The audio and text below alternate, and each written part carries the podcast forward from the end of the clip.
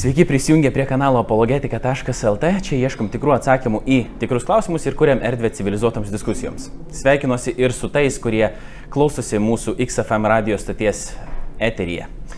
Džiaugiuosi, kad esate kartu, kadangi šiandien nagrinėsime tikrai svarbų klausimą, bent jau krikščionims tai tikrai, bet be abejo mes taip pat sakytumėm kaip krikščionis ir visiems žmonėms apskritai. Kelsime klausimą, kas yra Evangelija ir bandysim ją suprasti. Šita diskusija bus tarp konfesinė, turim ir evangeliką reformatą, ir kataliką, ir ortodoksą, kuriuos toj pat pristatysiu, bet mes atsispirėme šitai diskusijai nuo knygos pavadinimų, kas yra Evangelija, subtilus pavadinimas, toksai visiškai netiesmukiškas ir išvertė ją Gintaras, kuris jau kai kuriems yra pažįstamas ortodoksas.lt e, įkūrėjas, tarnystės ir tinklarašio. Taip pat galės Ginteras daugiau papasakoti apie šitos knygos užmanimą, idėją ir kas ten yra parašyta, bet taip pat pirmiausia prašysiu Gintaro pristatyti Evangeliją iš ortodoksinės perspektyvos, taip pat turim ir Bernardinai .lt vyriausiai redaktorių Gedrių Tamaševičių, kuris yra katalikas, ir evangelikų reformatų dvasininką Holger Len. Tai Holgeris ir Gintaras, tiems, kurie sakė apologetika.lt veiklą, e, yra pažįstami, nekartą jau matyti, Gedrius yra pirmą kartą, bet tikiuosi ne paskutinį, nebent priešnygėsit kokiu nors blogų dalykų, tai tada nebesikviesi daugiau. Arba aš ką nors gal negerą pasakysiu, tada jūs nebeteisit. bet tikėkime, kad taip e, nebus. Vienas iš mano tikslų šiandien yra kadangi tai diskusija yra tarp konfesinė, yra nepaisant deklaruojamų tikslų vis dėlto padaryti taip, kad jūs susimuštumėt, bet e, jeigu nepavyks, tai bent jau uh, gerai padiskutuoti. Uh, kaip jau minėjau, knyga Kas yra Evangelija, parašyta ortodoksų dvasininko lietuvių kilmės Andrew Steveno Deimiko, ne, kuris yra amerikietis. Ir atvyks jisai į Lietuvą, galėsi pareklamuoti šitam kanale taip pat ir šitą renginį, kuris vyks, beje, kiek girdėjau, evangelikų reformatų patalpose. Bet kunigas Deimikas šitą knygą parašė, kurią teko mums visiems perskaityti irgi, bandydamas prieiti prie krikščioniško tikėjimo esmės. Ir aišku, bandydamas atsakyti šitą klausimą, kas yra Evangelija, iš ortodoksinės perspektyvos. Tai gal tu gali, gintarai, tada pirmiausia papasakoti šiek tiek apie pačią knygą ir tada mes jau imsim tą pačią mėsą ir bandysim suprasti, kas yra Evangelija. Dėkuoju Laurinai už, pirmiausia, norėjau dar padėkoti už galimybę kartu visiems padiskutuoti ir iš tikrųjų bus, e, manau, labai įdomi diskusija, o ši knyga, kaip e, e, pats kuningas Andrius sako, ji yra ne apie ortodoksišką evangeliją, bet apie bent jau tai, kaip mes suprantam Evangeliją apskritai. Ir aš irgi tikiuosi, kad šitoj diskusijoje bendrų taškų visi rasim, o knygos užmanimas yra labai paprastas. Kadangi e, kunigas Andriu yra ir radio laidų vedėjas ir panašiai tai, ką tu darai apologetikal, tai jis irgi e, tam tikrose savo laidose, tinklalaidėse irgi e, daro ir jis daug metų taip pat yra katechetas, dėl to jam labai dažnai tenka atsakyti į klausimą, kas yra Evangelija. E, ir va tą visą savo daugiametę patirtį kažkaip jis e, pagalvojo sudėti į vieną trumpą knygelę, kuri galėtų būti, kaip jisai sako, jokių būdų ne katekizmas, bet galbūt įvadas į e, katekizmą, į tikėjimo e, pagrindus. Taip sakant, pati pati tokia pradžia. Ir man dėl to irgi pasirodė e, ši knyga E, naudinga pats e, kuningas Andrius, su kurio mes esame bičiuliais e, ir pasiūlė idėją, kad galbūt mes norėtume išsiversti šitą knygą į lietuvių kalbą. Ir man tikrai pasirodė knyga vertinga būtent dėl to, kad lietuvių kalba ortodoksai neturi tokios literatūros, kurią galėtų duoti žmogui, kuris e, galbūt e, nesilanko e, bažnyčioje, galbūt yra krikštytas ortodoksų bažnyčiai, bet visiškai nesilanko ir štai jam vieną dieną toptelėjo ateiti į pamaldas, jis priejo prie kunigo ir klausė, apie ką yra jūsų tikėjimas. Ir man taip pat yra daugybė kartų tekę atsakinėti šitą klausimą, kas yra Evangelija. Visą laiką tu bandai kažkaip tai suspausti, kažkaip tai sutrumpinti pasakojimą iki kelių sakinių. E, ir štai šita knyga, e, tai man pasirodė toks puikia parankinė priemonė tokiems atvejams, galima pačiam papasakoti duoti šitą knygą ir jeigu jau pats kažką praleisi ar e, tiesiog pamirši pasakyti, tai šitoje knygoje pačius pagrindus žmogus ir perskaitys. Ir e, jeigu taip paprastai, kaip ortodoksai dažniausiai kalba apie Evangeliją, e, kaip aš pasakyčiau keliais sakiniais e, žmogui, kuris tik atėjo apie tai, kas yra Evangelija. Aš turbūt pradėčiau nuo to, kad pasaulyje egzistuoja kančia, egzistuoja blogis. Ir krikščioniškų požiūrių to blogio šaknis yra nuodėmė. Kad tam tikras, nu, pirmia, žvelgiant į praeitį, pirmieji žmonės, bet tame tarpe dabar gyvenantys žmonės, daro blogą ir tai į neigiamą pusę keičia tiek žmogų, tiek pasaulį nuodėmė keičia ir žmogų. Pavyzdžiui, e, jeigu imti tokį labai e, paprastą pavyzdį, kad ir maistas, jeigu žmogus e, valgo bet ką, netinkamai maitinasi, pataikauja ant savo pilvui, tai viena vertus keisis jo psichologija, jis gali pasidaryti tos aistros priklausomas, keisis jo kūno sudėjimas, gali netgi kažkokios lygos atsirasti gali, sakykime, jeigu įmantresnių valgių ieškos ir prireikti kitas aistras įgalinti, siekti pinigų, siekti turtų ir per tai gali griūti ir įvairūs tarp žmogiški santykiai, taip sakykime. Ir žinoma, kad visame tame grūna santykius su Dievu. Nes e, Dievas, jis e, e, pats būdamas meilė, kūrė žmogų meilės santykiui. Ir nuodėmė ką padaro, ji supykdo, sugriauna tą santyki tarp žmogaus ir Dievo, greuna santykius tarp žmonių Ir um, e, šiame mano pavyzdyje tas gal neišiškėja, bet e, žiūrint į kitus pavyzdžius, įgreuna netgi ir aplinkinį pasaulį. Nes jeigu mes pagalvosim apie nuodėmę, pagalvosim apie tokią sferą kaip ekologija, jeigu žmonės e, negerai elgesi, tai greuna netgi gamtą. Kitaip tariant, visas pasaulis, visas uh, kosmosas, jeigu nuot jau graikų filosofijos terminą, jisai keičiasi dėl žmogaus nuodėmės. E, ir jeigu žmogus e, nori išlipti iš to viso blogio, jeigu jis nori gyventi e, laimingai, o jo labiau jeigu supranta, kad yra Dievas, su kuriuo yra sugriautas per nuodėmės santykis, jam reikia pagalbos atsigręžti. Ir štai Jėzaus tapimas žmogumi ir Jėzaus įsikišimas į istoriją, Dievo įsikišimas į istoriją yra tas momentas, kai visa tai yra apgrėžiama. Ir ant viršelio čia parašyta, kaip ir esmė knygos, Kristaus pergalė prieš demonus, nuodėmė, milti e, ortodoksų tradicija. Nes irgi yra e, tikima, kad yra e, tokie, tokios nematomos būtybės, demonai, tai yra neturinčios kažkokio materialaus kūno, bet veikiančios žmogų, jas gali žmogus, galima taip sakyti, pajusti, kai mintyse yra gundomas padaryti tą nuodėmę E, ir, e, e, žodžiu, yra ištisama ta tokia, yra tas, jeigu taip trumpinant, yra tas polės pasaulis, yra tam tikra jėga, kuri žmogų laiko, ar ne? Nes jeigu žmogus, vad grįžkim prie pavyzdžio apie apsirijimo nuodėmę, jeigu žmogus sugalvoja e, keisti savo uh, mytybą, savo požiūrį į maistą, tai yra tam tikra jėga, kuri jį laiko, kuri jam trukdo tai padaryti.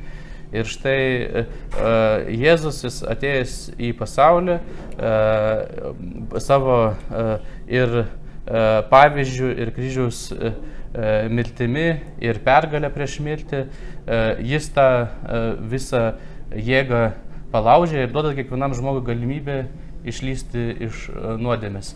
Duoda kiekvienam žmogui galimybę sugrįžti pas Dievą ir atkurti tą prarastą meilės santykį.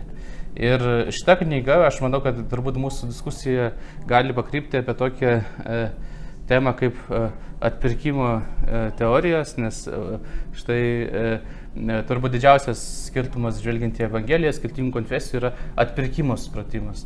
Atpirkimas tai yra supratimas, kokiu būdu Jėzus sugriauna tą blogio valdžią. Ir kokiu būdu kryžiaus mirtis įvykdo tą išlaisvinimą žmogaus iš nuodėmės. Ir čia yra tokių tam tikrų skirtumų. Tai e, iš tikrųjų yra toks dalykas, kad pirmam tūkstantmetyje bažnyčios tėvų e, eroje, o bažnyčios tėvai čia ypač autoritetingi ortodoksų bažnyčiai, buvo skirtingi vaizdiniai atpirkimui apibūdinti. Panašiai kaip galėtumėm pagalvoti apie švenčiausią trybę, jos slėpinių irgi yra įvairios metaforos, įvairūs vaizdiniai apibūdinti. Tokių atskirų traktatų bažnyčios tėvų apie atpirkimą pirmam tūkstantmetyje nebuvo. Bet vienas iš populiariausių vaizdinių e, buvo Kristus kaip nugalėtojas. Dėl to ir yra tas antraštė Kristus pergalė prieš e, mirtį. Kristus kaip nugalėtojas, kaip uh, tokiam metafiziniam kare tarp gėrio ir blogio, atėjęs uh, Dievas žmogaus pavydalu, kuris uh, uh, sugriauna tą uh, mirties valdžią ir nugali. Ir tai išreikšta netgi ortodoksų velykiniai gesmiai. E, kuri graikiškai skamba Christos anesti ek nekron, thanato thanaton patysas, kėtis entis nimas įzoin harisamenas, arba Kristus e, prisikėlė iš mirusių, mirti nugalėjo mirtimi ir esantiems kapuose gyvenimo dovanoja. Tai štai e, yra vaizdinys Kristaus kaip nugalėtojo, kaip triumfatorius prieš mirtį. Tai šita knyga, jis, sakyčiau, yra tuo ortodoksiška, kad e, ji pasirenka e, tą vaizdinį, kuris populiariausias bažnyčios tėvų raštuose ir e, per jį siūlo suvokti Kristaus atpirkimo darbą. Gedriau, eisim tada prie jūsų, dabar čia kyla klausimų, galbūt jums beklausant gintar, nors kartais mačiau ir palinkčiojot, tai mhm. gerai čia gintaras viską supasakojus, taip pat aiškintumėt atėjusiam pas jūs, pavyzdžiui, katalikui arba bet mhm. kuriam kitam žmogui, kuris teirautųsi jūsų, kas yra Evangelija. Na, e, mano, mano e, pozicija iš to, kad nėra, nėra kadangi nesu dvasininkas, tai nėra, e, netenka dažnai atsakinėti ir sulaukti tų klausimų apie tai, apie šitą konkretų klausimą arba dalyvauti tokiuose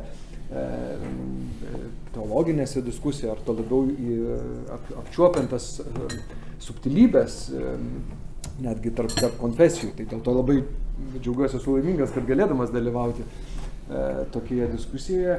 Man besiklausant, tiek, tiek knygą skaitant ir dabar gintaro besiklausant, tai e, e kilo, kilo tokios, na, kas, kas, ką atpažinau skaitydamas. Ir, ir aišku, tai, ką atpažinau, tai vadinasi, yra iš, iš, to, e, iš tos tradicijos, kurioje aš, kurioje aš esu.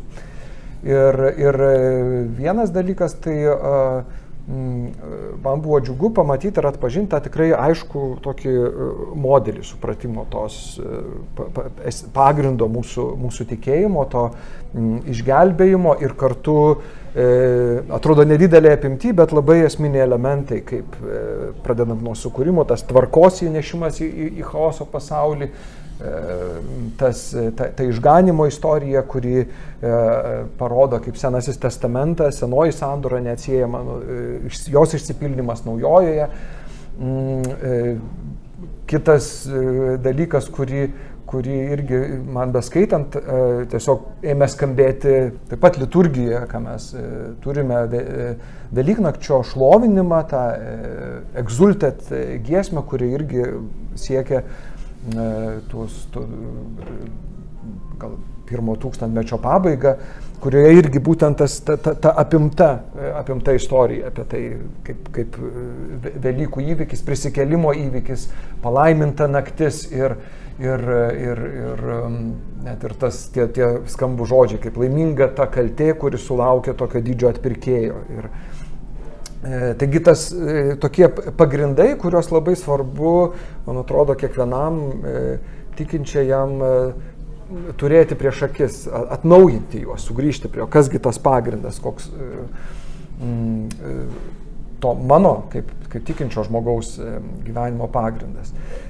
Dar vienas momentas, kur skaitant man irgi, irgi atlėpia, tai yra tas, tas irgi atsiremimas nuo sukūrimo ir tas, ir kas galbūt jau kaip galvojant apie savo asmeninę istoriją, savo, na, šiais metais yra 30 metų, kai skaičiuoju tą tokį gyvo tokio tikėjimo kelio e, pradžią, tai yra tas tvarkos įnešimas ir ypač tas, tas e, turbūt tai yra, kai, kai Evangelija pasiekia žmogų, tai yra to pirminio chaoso, tokio sutvarkymas, įnešimas tvarkos. Tai ką savo gyvenime atpažįstu ir, ir kad tai nėra, e, taip pat ir tai, kad tai nėra mm, e, vien toksai vienetinis įvykis, kad tai yra nuolat, nuolat to e, tame, tame, dar kitaip sakant, ta Evangelija tave, tave nuolat kalbina, tave nuolat pasiekia ir tave nuolat keičia, kai tu, kai tu atsiliepi. Tai, tai man buvo taip trumpai apibendrinant, ne, ne, nežinau, tas ta mintis ortodoksų tradicijoje, tai e, gal nesu, netu, ne, neturiu tiek daug tų tokių subtilių gebėjimų pa, pagauti, kur čia kokie niuansai slypi, bet man, man atrodė, e, aš tą priėmiau kaip tikrai um, gyvą ir labai, labai aišku pasakojimą, padėjusi man ir skaitant šią knygą savo tą tos pagrindus vėl kažkaip su, su, e, sužiūrėti, at, atpažinti. Tai jeigu leisit paklausiu, aš labai tada konkrečiai. Mm -hmm. Netgi katalikų liturgija, kaip suprantu, kai pasibaigė uh, mišios, būna žmonės kartais, bent jau yra man tekę stebėti, išleidžiami su tą mintimi, kad jie dabar turėtų ir skelbti gerąją naujieną. Taip. Tai va ką ten jie turi skelbti, koks yra turinys tos geros naujienos, mm -hmm. jeigu jūs tai pabandytumėt trumpai iš katalikiškos pusės mm -hmm. apibendrinti, kas yra tas e, geros naujienos turinys, kas yra skelbiama. Tai E, be abejo, tai yra tas ta atpirkimo, atpirkimo žinia, kad, kad esame išgelbėti ir kad nesame vieni palikti e, šiame, šiame pasaulyje. Ir e, kvietimas, tai žinoma, toks bendrai dar irgi kita buvo mintis, kad galbūt toje katalikų tradicijoje būtų tam tikro tokio E, na, atsiribojimo, kadangi yra vis tiek ta hierarchinė struktūra ir, ir, ir per ilgus šimtmečius nusistovėjusi, e, tai tie žmonės, man atrodo, nelabai, nelabai e, tą il, kurį laiką m, suprato tą, tą esmę šitų žodžių. Kol per, per per 20 amžiaus, ypač to, to e, visuotinio Vatikano susirinkimo, kai buvo ta, ta Evangelija tarsi sugražinta, e, kaip ir sugražinta į centrą, kad e, ir ką nuolat, aišku, vėlgi bažnyčioje labai svarbus, katalikų bažnyčioje svarbus tas popiežiaus, popiežių vaidmuo, tai ypač nuo, nuo Pauliaus VI, kuris ir pasiemė tą vardą Pauliaus kaip, kaip skelbėjo, kuris eina į, į visas tautas, keliauja ir, ir skelbia tą, tą žinią. Ir, ir toliau iki pat dabartinio popiežiaus Pranciškaus, kuris irgi pradėjo savo pirmąjį dokumentą, pavadino Evangelijai Gaudium, e, Evangelijos džiaugsmas, kad tai yra, tai kartu yra džiugioji naujiena. Džiugioji dėl to, kad mes esame atpirkti, kad mes esame išgelbėti. Algeri, e, teko ir jums šitą knygą perskaityti e, ir pats ir gintoriai, kiek girdėjau, siūlėt diskutuoti, po to aš pasiūliau irgi dar jums atskirai ir susirinkom čia vis tiek to bendrų tikslų, bandom aiškintis, kas yra Evangelija ir to paties klausimo klausiu ir jūsų. Pirmiausia, kaip jūs vertintumėte tai, ką jūs perskaitėt e, šitoj knygoje ir tada kaip reformatas atsakytų į tą patį klausimą, kas yra Evangelija. Nu, gal, visų pirma, norėčiau pabrėžti, kad džiugu, kad tokia knyga išėjo ir pavadinimas aiškus, paprastas ir Gintaras ir, ir bičiuliai, aišku, tam tikrą prasme metė mums iššūkį. Mes, mūsų konfesija vadina, arba bažnyčia evangelikų reformatų, yra evangelikų luteronų, baptistų. Mums tas pavadinimas evangelikai labai prie širdies, labiau gal negu protestantai, nes evangelikai nuo evangelijos. Tai apgailestauju, kad, kad mes, mes bendrai gal Lietuvos evangelikai kuo mūsų knyga su tokiu pavadinimu, aš irgi, nu, turiu pasakyti gaila. Pradėjot kad, rašyti dabar giliai. Uh, reikia rašyti, versti nesvarbu, traktatą išleisti ir, ir tai matom, kad um, tai Evangelija ne mūsų nuosavybė ir ortodoksai ir katalikai gali tokias knygas rašyti. Ta, ta prasme, aš labai tą sveikinu um, ir man buvo labai įdomu. Uh, kai, kai perskaičiau, vis dėlto ir pastebėjau, kad tai va, čia ne, mes Evangeliją kitaip interpretuojam. Ir čia yra, aišku, ir gal tai svarbu ir, ir klausytojams, kad nu, čia va, čia turim tą, aš manyčiau, pagrindinį atsakymą į tą klausimą, kodėl yra tos skirtingos didelės konfesijos arba tų bažnyčių, nu sakykim, grupės, ortodoksai, katalikai, suinitai, visi protestantai, kadangi vis dėlto tą, tą vieną evangeliją šiek tiek, sakykime, atsargiai, kitaip interpretuojame, aiškiname. Ir dėl to mes negalim taip paprastai vienytis, kadangi tie skirtumai yra pakankamai rimti. Ir kalbant, gal, gal tiek bendrai, ir aš tikrai aš džiaugiuosi, kad uh, autorius nu, yra daug dalykų, su kuriais aš pilnai sutinku, nuodėmės apibrėžimas, maištas prieš Dievą, aš čia užsirašau tą šį rytą, šį vietą pilnai sutinku. Uh, mirtis yra nenatūralus, um, Kristos misija, meilės misija, prisikėlimo svarba, arba istoriškumas, ten ir bendrai toje knygoje atsispindi nu, ortodoksinės plačiaja prasme požiūris į, į tikėjimą, ne teologinis, yra teologinis liberalizmas ir ortodoksija plačiaja prasme turiu omeny, kad rimtas požiūris į Bibliją, Biblija yra tikrai Dievo žodis, ne kažkoks mitas, um, prisikėlimas tikras istorinis faktas ir taip toliau, nuopolis yra istorinis faktas, jeigu aš daug, ypač protestantų teologų sakytų, na, nu, mes tą visiškai kitaip į tą žiūrim. Ta prasme su tais ortodoksais katalikais ir ortodoksais, ortodoksais aš labiau jiems pritariu negu savo protestantams, liberalams, taip sakant. Ne? Den da, tas bendras požiūris yra tikrai, aš, aš džiaugiuosi labai dėl to, aber mes turim čia sakiniai, ne, iššūkis šiandien aš užsirašau. Visi lytiniai santykiai yra palaiminti tik santokoje tarp vyro ir moters. Nu, ortodoksai katalikai pritarė ir protestantai, bet daug kas šiandien, aišku, čia nebepritarė ir tam prieštarautų. Ne, ir mes čia turim, kalbant apie etiką, daug tų bendrų dalykų. Ten.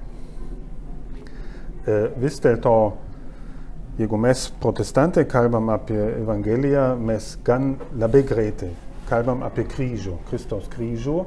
Aš tą šį rytą peržiūrėjau, kad nenusišnekėčiau ir vienoje vietoje nu, yra minimas um, per savo kraujo atnašą ant kryžiaus ir per savo prisikelimą kryžiaus minimas, jis yra žinoma, ten, um, bet pas ortodoksus akcentas žymiai didesnis yra prisikelimas. Pas mus protestantos uh, Kristaus auka ant kryžiaus, kuris priėmė arba uh, bausmę už mūsų nuodėmės, ten žymiai didesnis akcentas. Ir no, žymusis anglikonų teologas John Stott parašė knygą The Cross of Christ, Kristaus kryžiaus. Jie aiškiai sako, čia yra centras. Ir um, jo, čia ir kryžius čia yra beveik nėra, sakyčiau, kritiškai. Kitas dalykas, kaip mes tikėjimą interpretuojam, pas protestantus asmeninis tikėjimas arba tikėjimas kaip pasitikėjimas labai akcentuojamas. Čia toje knygoje kalbama apie tikėjimą, bet jis interpretuojamas, sakykime, aš sakyčiau, nu, iš mano iš mūsų perspektyvos savaip. Ir čia mūsų keliai šiek tiek jau išsiskirtų. Ne? Mes labiau akcentuojam asmeninį tikėjimą, tam tikrą tikėjimą, kaip pasitikėjimą. Um, bet tie bendri bruožai, kad žmonija turi labai rimtą problemą, kad yra sprendimas, Dievo sprendimas per Jėzų Kristų į mūsų atsakas. Čia mes, mes sutarėm, tie trys stulpai, problema, sprendimas, mūsų mes turime tai vienaip ar kitaip reaguoti, mes čia sutarėm, dėl to tai yra mano tikėjimo broliai. Jeigu vienas sakytų, nu, išganimas slypi manyje, mano sielos gelmėse, aš sakyčiau, nu, tada gal esi kažkoks nu, kitaip tikintis, bet ne krikščionis. Bet, bet ortodoksai to nemoko ir katalikai to nemoko. Tai, taigi turim bendrų bruožų, bet, bet um, ir, ir skirtumų. Taip ir užbaigsim. Turim bendrų brožų ir yra skirtumų taip pat. Ne, ne, ne, viskas gerai. E, Vienas dalykas, kas man dabar e, šovė į galvą ir gal tai padės toliau vystyti diskusiją, tai yra reikalas vadinamas keturiais dvasiniais dėsniais. Nežinau, ar jums yra tekę girdėti, E, yra tokia organizacija Agape, E, seniau jinai buvo vadinama Campus Crusade for Christ, dabar Amerikoje Krū, Lietuvoje Agape, man tai organizacija yra tekę dirbti, toliau ten turiu draugų. Man kiekvieną dieną reikėdavo atsakinėti tą klausimą, kas yra Evangelija. Ir e, tiek aš laiko neturėdavau sėdėti, va, tai žmogus atsisėda, aš jam pasakoju tada ir knygą parodau, ten, va, žiūrėk, ir čia pasibrauk dar kažką. Reikėdavo pasakyti trumpai. Ne? Ir Bilas Braitas, tas organizacijos įkūrėjas, jisai dabar aš bijau nus, nusišnekėti, bet e, tikriausiai nenusišnekėsiu apie tos keturis dvasinius dėsnius, kalbėdamas. Kad ir tris iš jų paminėjot. Tai yra, kad yra problema, tai yra nuodėmės problema, kuri atskiria žmonės nuo Dievo, tada, kada yra sprendimas per Kristaus kryžių ir per jo prisikelimą, tik tais per Kristų mūsų santykis su Dievu gali būti atsatytas ir ta, kaip sakyti, ir mirtis nugalėta, ir nuodėmė nugalėta, Ir galiausiai tada koks yra mūsų atsakas. Ir pirmas tas dėsnis, man atrodo, yra, kad Dievas viską sukūrė. Aš galiu pamiršti dabar, man, man atrodo, kad yra taip, kad Dievas sukūrė viską, sukūrė žmogų, sukūrė žmogų savo, yra problema, nuodėmės problema, mes jos pats negalim išspręsti, mes negalim peržengti tos prarajos, kurie žioja tarp mūsų ir Dievo, bet Dievas mus myli, jis atėjo šitą pasaulį, Jėzuje Kristuje, Tėvas siuntė sūnų, šventoje dvasia mus apgindo amžinam gyvenimui ir mes turim santykių su Dievu, jeigu tik tais atsiliepiam į jo kvietimą. Tai toks būdavo paprastas paaiškinimas. Ir po to, aišku, ten galėjau, kaip sakyti, daug įvairiausių klausimų aptarinėti, dėl to, kad čia savaime suprantama žmogui nebūtinai yra, ką tas reiškia, kad numirė už mano nuodėmės, kas yra nuodėmė, jeigu aš nesijaučiu nuodėmingas. Pavyzdžiui, universitetuose mes buvom darę tokią apklausą, gal čia bus įdomu išgirsti ir žiūrovams ir klausytojams ir jums taip pat. Klausėm žmonių, kiek jie manosi esą geri. 10 balį sistemai, skalį nuo 1 iki 10. Tai spėkit, koks buvo vidurkis. Dviejose, dvie- dviejose Vilniaus universitetuose. Dešimt yra tobulas. To 10 tobulas, vienas jau blogai. Apie aštuonetą turbūt. Aštuonis, sakyčiau. Nu, ką, septyni. Na, bet, bet pesimistas ir reformatas galvoja, kad vis dėlto visi, stokoja, visi nusidėjo ir stokoja Dievo šlovės. Buvo 8 kablelis kažkiek. Tarp 8,4 ir 8,7. Tai vad žmonės galvoja, kad jie yra pusantro balo nuo tobulumo. Ir tada, kai žmogus galvoja, kad viskas yra praktiškai gerai, čia tik tais dar galėčiau truputį galbūt e, mažiau pykti ant žmonių, ten kažkaip, arba galėčiau šiek tiek daugiau padėti ir tada viskas būtų jau gerai. Tada ir to, kaip ir kryžiaus nebelabai reikia, ir tada prisikėlimas kažkiek toks e, per dalykas. E, Bet tiesiog, ne, keturi dvasiniai e, dėsniai, kurie buvo išsakyti vienokia ar kitokia forma, e, toks dalykas egzistuoja, bet aišku, mes būtumėm apkaltinti ir patys apsikaltinti, tikriausiai, jeigu mes nepažiūrėtum šventą įraštą, pažiūrėk, klausim klausimą, ne tokio, kas yra Evangelija ir bandom surasti, yra vieta kur nors parašyta. Taip, čia, klausykite žmonės, čia yra Evangelija ar dar kažkas ir taip trumpai parašyta. Ir atrodo, jeigu teisingai aš atsimenu, yra bene vienintelė vieta, kur yra kažkas panašaus tokio daroma. Ne? Ir tai yra pirmas laiškas korintiečiams, 15 skyrius, uh, nuo pirmos eilutės. Aš čia pav- pavogiau dabar Holgerio Bibliją, tai jisai nematys. Um, broliai, aš jums aiškinu Evangeliją, čia rašo Paštalas Paulius, kurią esu jums paskelbęs, kurią priemėte, kurioje stovite ir kurią būsite išgelbėti. Jeigu jos laikotės taip, kaip esu jums paskelbęs, antrai būtumėte veltui įtikėję. Pirmiausia, aš jums perdaviau, ką esu gavęs, būtent Kristus numirė už mūsų nuodėmės, kaip skelbė raštai, jis buvo palaidotas ir buvo prikeltas trečiąją dieną, kaip skelbė raštai, jis pasirodė kefui, paskui dvylikai. Ir po to jis raštas ir pasirodė man ir taip toliau. Tai kodėl mums čia reikia tiek daug visokių dalykų išvedžioti, papildomas knygas rašyti. Aš jau bandau šiek tiek, aišku, tokią, e, tokį poleminį elementą galbūt įvesti, tokią kontroversiją šiek tiek, ar ne? Kam čia reikia tokias tada knygas rašyti, va, duokit kiekvienam žmogui paskaityti e, pirmo korintiečiams 15 skyriaus, žymiai trumpiau užtrunka, pusantros minutės gal bus ir viskas. Na, galime dar pavokti. Prašau. Tai va, gintarai, kaip tu reaguotum į tai, e, kodėl čia reikia dar aiškinti tą Evangeliją kažkokiais kitokiais žodžiais, kodėl neužtenka tiesiog šitos vietos atversti daug žmonių pažiūrėti. E, Aš tai pasakyčiau labai paprastai, dėl to, kad e, čia labai stora knyga. Ir pavyzdžiui, kai aš pats asmeniškai e, buvau susidomėjęs, e, dar nebūdamas krikščioniu, aš atsiverčiau ir pradėjau skaityti. Tenais nuo pat pradžių, ar ne, atsiverti kaip knyga, nu, nuo pirmo puslapio. Ten pradės, pradės, kad pradžioje Dievas sukūrė dangų ir žemę, paskui žiūri, jau antras skyrius, vis dar apie Jėzų nieko nėra. Tada galvojau, gal galima paskaityti tik Evangeliją. ir atsiverti Naują Testamentą, būna netgi atskiras knygutės, ir tada prasideda. E, Abraomui gimė Izaokas, Izaokui gimė Jokūbas, Jokūbai gimė Judas. Ir, e, žodžiu, daug kas ir po pirmų puslapių pasiduoda. Ir būtent e, duoti tam tikrą raktą į tai, kaip skaityti, man atrodo, va, tai yra visos tos vadinamas katechetinės literatūros prasmė. Duoti, tai tariant, jinai nėra substitutas Biblijai, bet jinai yra toks kaip raktas atrakinti tam, kas yra ten rašoma. Taip. Ir aš dar norėjau va, apie tai, kas yra Evangelija. Man tai labai patinka Morkos Evangelijoje, kur viena vertus prasideda viskas žodžiais Jėzaus Kristus, Dievo Sūnaus Evangelijos pradžia. E, ir e, paskui jau, kai pasakojimai apie Joną ir apie Jėzų, dabar galvoju, kur kaip tik yra, jie abu, va, Jėzus sugrįžo į Galilėją ir ėmė skelbti Dievo Evangeliją, kad atėjo metas ir prisijatino Dievo karalystę. Ir toliau citata Jėzus, atsiverskite ir tikėkite Evangeliją. Tai irgi toksai labai trumpas apibūdinimas, man jis labai patinka, kad e, atėjo metas prisartino Dievo karalystė. Labai uh, trumpai apibūdinta Evangelija. Bet kodėl reikia tos literatūros, nes aišku, jeigu ateistui pasakysi, atėjo metas prisartino Dievo karalystė, jisai nesupras tavęs. Ir reikia kažkaip vat, paaiškinti, kas ta Dievo karalystė, kodėl jai reikėjo ateiti ir taip toliau. Um Gedriau, katalikai neretai yra kaltinami kitų konfesijų atstovų, kad jie iš tikrųjų Evangeliją netiki ta prasme, kad jie mano vis dėlto, kad išgelbėjimą kažkaip galima patiems nusipirkti. Ne kad tu esi atpirktas, bet tu gali pats nusipirkti. Kažkada buvo indulgencijos, mm. dar dabar kažkokia forma yra, jos yra likusios. Bet iš tikrųjų tai mokė ne savo pinigais kažkokiais, kaip kažkada galbūt buvo, bet savo darbais ir kažkaip tokiu būdu užsitarnauju tą amžiną gyvenimą ir išgelbėjimą. Čia yra teisingas vertinimas katalikiško požiūrio, neteisingas ir kodėl. Mhm. Taip, be abejo, čia tos, tos ta šimtmečių e, našta vis tebe, tebe lydinti yra to, e, tos sampratos, kuri e, šiandien, manyčiau, jau sunkiai, sunkiai yra atpažįstama. Kiek, kiek tas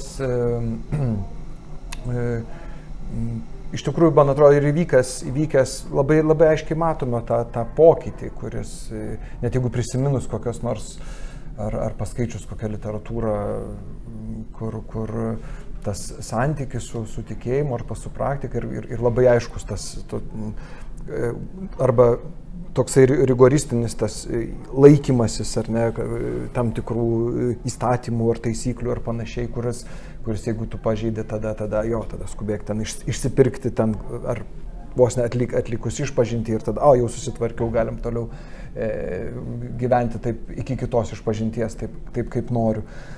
Bet e, man atrodo, tai didysis, didysis atsinaujinimas ir pokytis įvykęs yra, toj, kad katalikų samprotoje, tai, tai perkelimas e, akcento į, į, į, į į tą, bet kas ir nuskambėjo, į tą pas, pasitikėjimą ir, ir ypač, ypač tas, ta gailestingų, Dievo gailestingumo žinia ir tai, kad, kad niekada, mm, kad tu Ir tai čia plačiai, plačiai tas įvairiais aspektais gyvenime, gyvenime pasireiškintis dalykas, bet kad tu ne, niekada nesi nu, žodžiu, nei tu iki galo ten tobulas esi, nei, nei tu iki galo esi pasmertas. Ir kad visą laiką yra ta galimybė, kad tas atvertas, atvertas durų, durų plyšelis, tik tai išties ranką ir, ir, ir tu būsi pagautas ir, ir, ir patrauktas link, link Dievo, link jo gelbėjančio veikimo.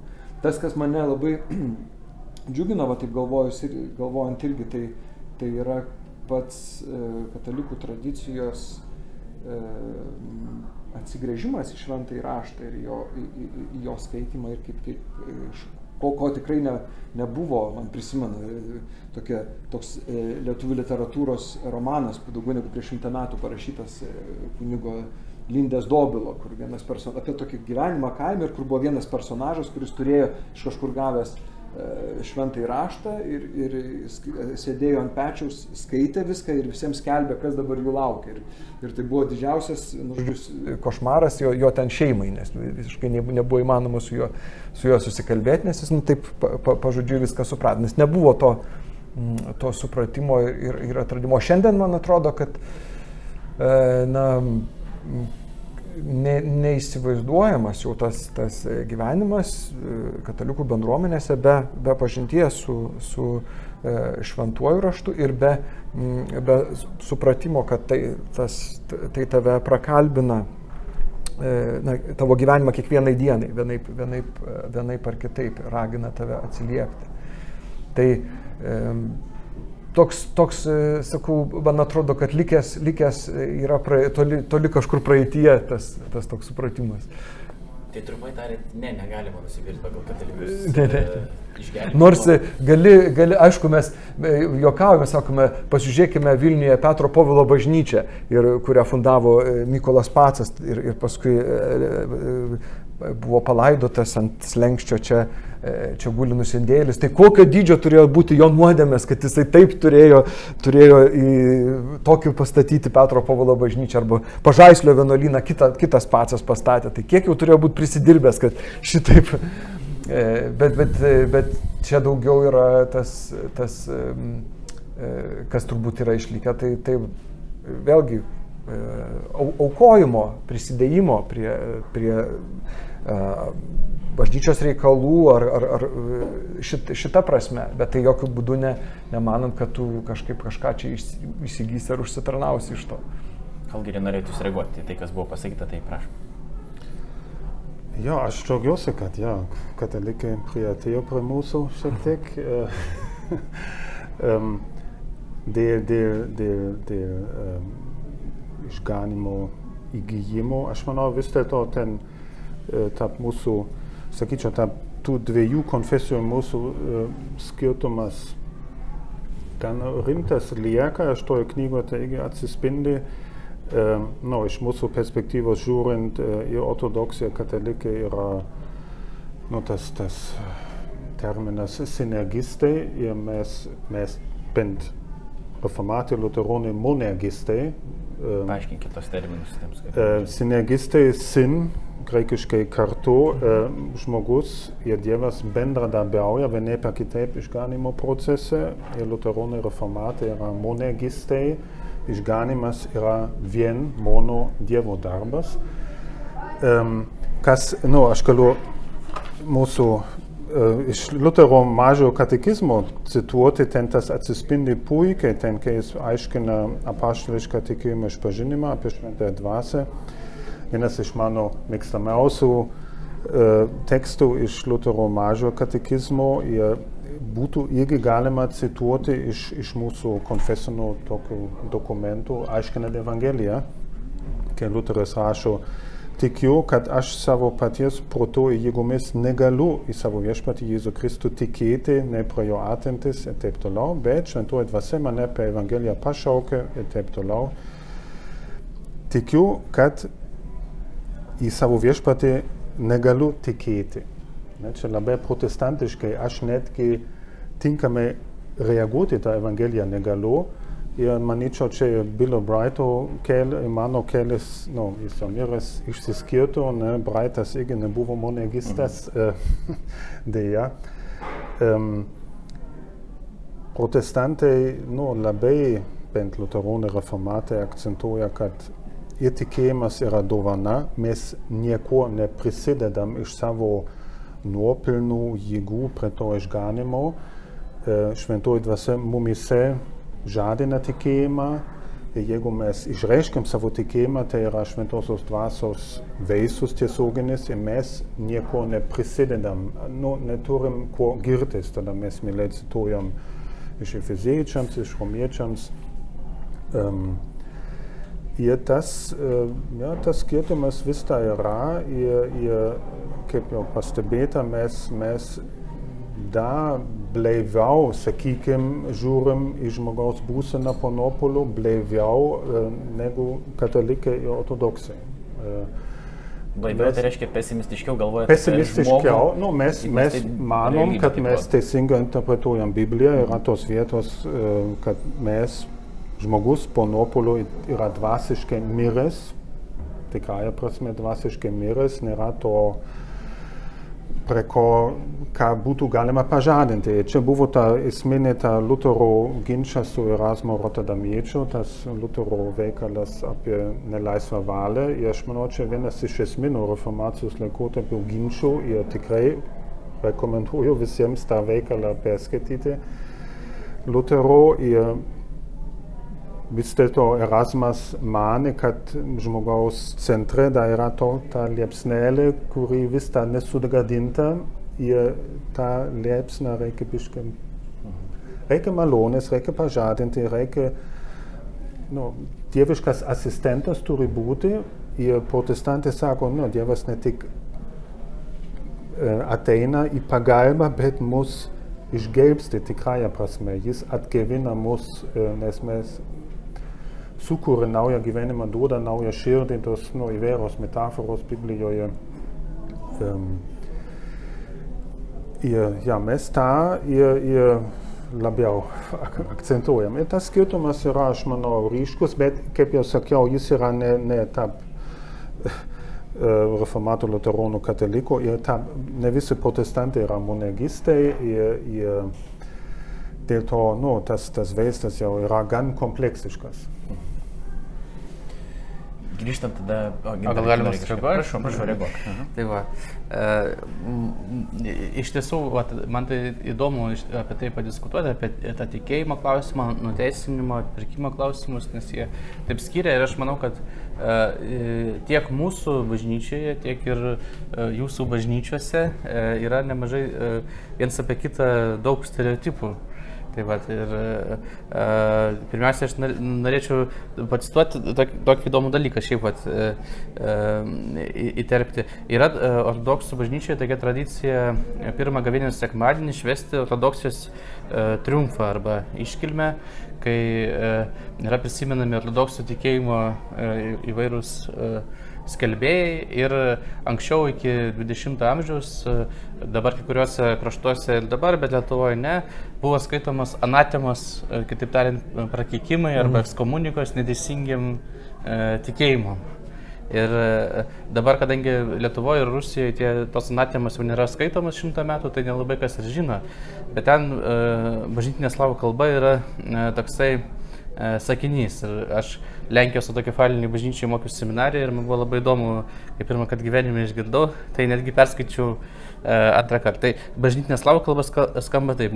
Neprijemlišim blagodatį skuplėnėje Evangelijam propovėdanago, jako jedinstvenago našago ko opravdanijų prie Bogom sredstva anafima. Arba lietuviškai, jeigu išvertus, kad e, e, tiems, kurie nepriima e, atpirkimo malonės, skelbiamas Evangelijoje, kaip e, vienintelės e, priemonės mūsų nuteisinimui anatema. Tai va, tai toksai, e, aš netgi antrą kartą perskaičiau, kai e, pirmą kartą negalėjau patikėti. Ir žinoma, klausimas yra toks, kad dažnai yra kalbama panašiais terminais apie skirtingus dalykus. Ir jeigu kalbėti apie e, išganimą, žinoma, ortodoksų bažnyčia yra suvokimas, kad e, Dievas yra visagalis ir jis yra žmogaus išganimo priežastis, bet kita vertus yra kalbama apie Dievo ir žmogaus sinergiją, kaip apie tą vat, bendradarbiavimą e, e, išganimo e, kelyje Ir manau, kad geriausiai kaip tik šitai knygoje, vat, kai jūs kalbėjote apie tikėjimą, tai aš iškart prisimenu tą vietą, kur kunigas Andriu laišką he, hebrajams cituoja. Ir tai daro tokia neįprasta forma. Čia yra 82 puslapis. Ten uh, jis sako, tik tie, kurie ištikimi Dievui, yra laikomi Abraomo įpėdiniais. Netgi kai išėjimo metu formavosi Izraelis, žmonės genetiškai nebuvę Abraomo palikonimis buvo įtraukiami dėl savo ištikimybės. Daugybėje vietų šventasis raštas nurodo, kad ištikimybė yra priklausomybės Dievo teisėjai sandarai kriterijus. Ir citata - teisus žmogus gyvena savo ištikimybę. Ir iš karto išnaša ir paaiškinimas, kad beveik visose angliškose ir lietuviškose Biblijose šioje ir panašiose eilutėse graikiškas žodis pistis yra verčiamas kaip tikėjimas, tačiau šis vertimas yra protestantų teologijos įtakos pasiekmė, kurios centre tikėjimas, o ne veiksmas. Ir pagal kontekstą ir pagal gramatiką vertimas turėtų būti ištikimybė, o ji numato veiksmą.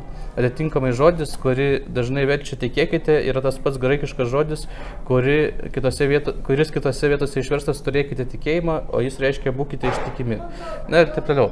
Ir vienu žodžiu, čia toksai, vat, man iš toje knygoje tai buvo įdomu atrasti, nes aš daug apie tai savo gyvenime tikėjimo galvojau ir taip mm, savo norėjau įprasminti. Ir čia pamačiau, kad autorius, kuris rašo, na taip kaip aš suprantu.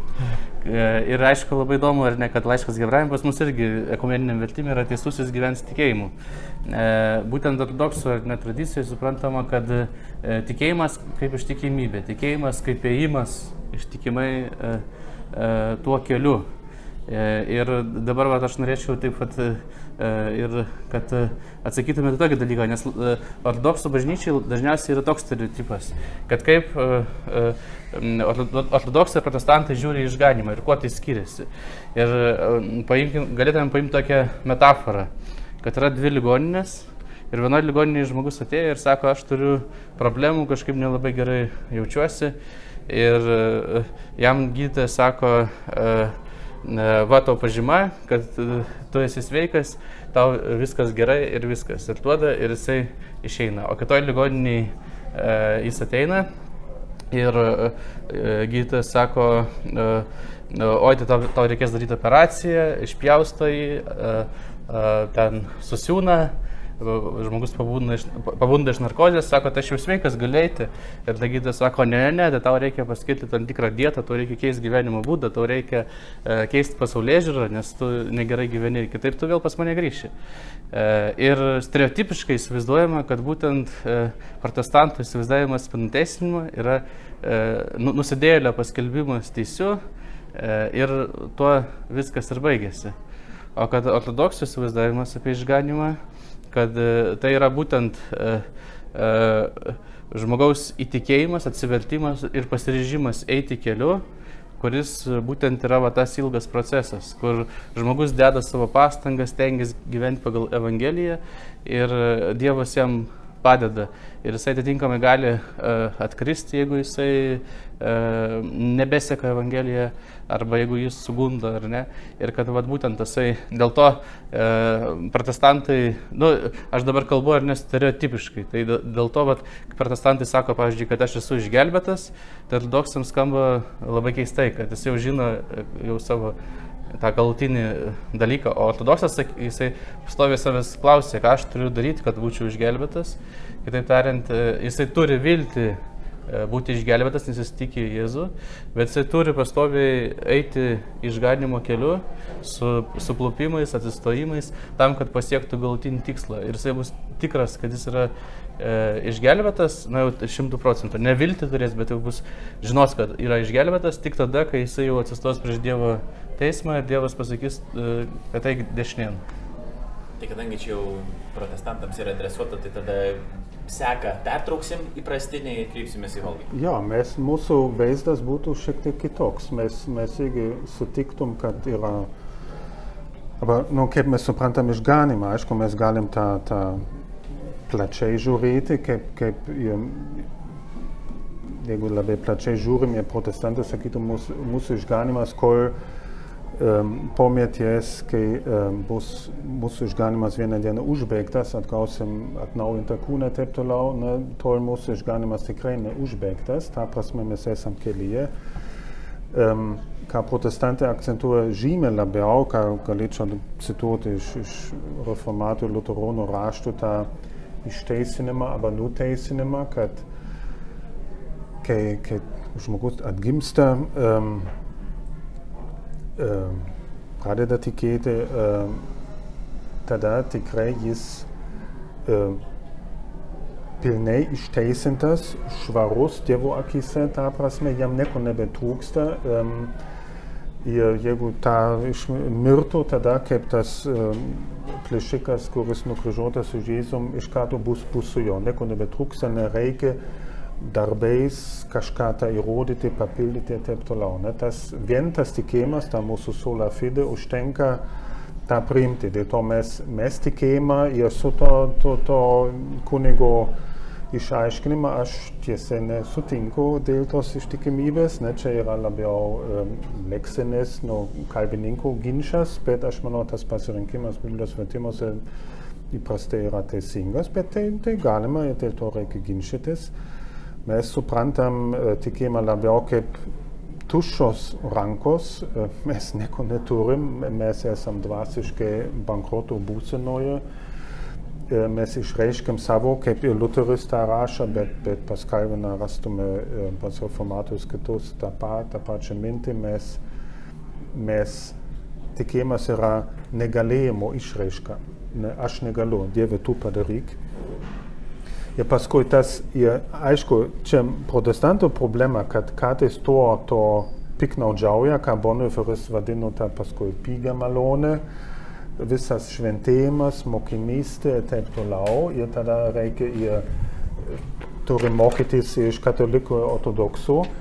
Um, iš tikrųjų, ne, vėlgi, tokie stereotipai, kad um, mūsų Heidelbergo, reformatų Heidelbergo katekizme turim visą trečią dalį apie krikščionišką gyvenimą, mums tas visa mokinystė irgi labai labai labai rūpi. Bet aišku, uh, skirtumas tarp mūsų konfesijų, kokia ta tos, tos krikščioniškos mokinystės didžioji antraštė. Pas mūsų reformatus, man tas labai patinka, yra dėkingumas. Mes esam dėkingi už suteiktą išganimą vien iš malonės ir mes Dievui nieko neturim įrodyti ir mes neturim užsidirbti dabar. Mm. Kabutėse tą savo um, amžiną likimą gerais, ištikimiais darbais, mes visų pirma, mūsų pagrindinė motivacija paklusti Dievui yra dėkingumas. Ne? Tas visai etikai e, duoda kitą, na, kitokią spalvą, taip sakant. Ne? Mes, mes labai vengiam ir etikoje tą um, išganimo darbais, taip sakant. Ne? Tas yra protestantams iš tikrųjų, ne? kad duok Dieve, kad neatimtum Dievui iš tos garbės, jis išgelbsti. Tai to ant mūsų Vilnius čia bažnyčios fasado solidėjo glorija vien Dievui garbė visų pirma už išganimą.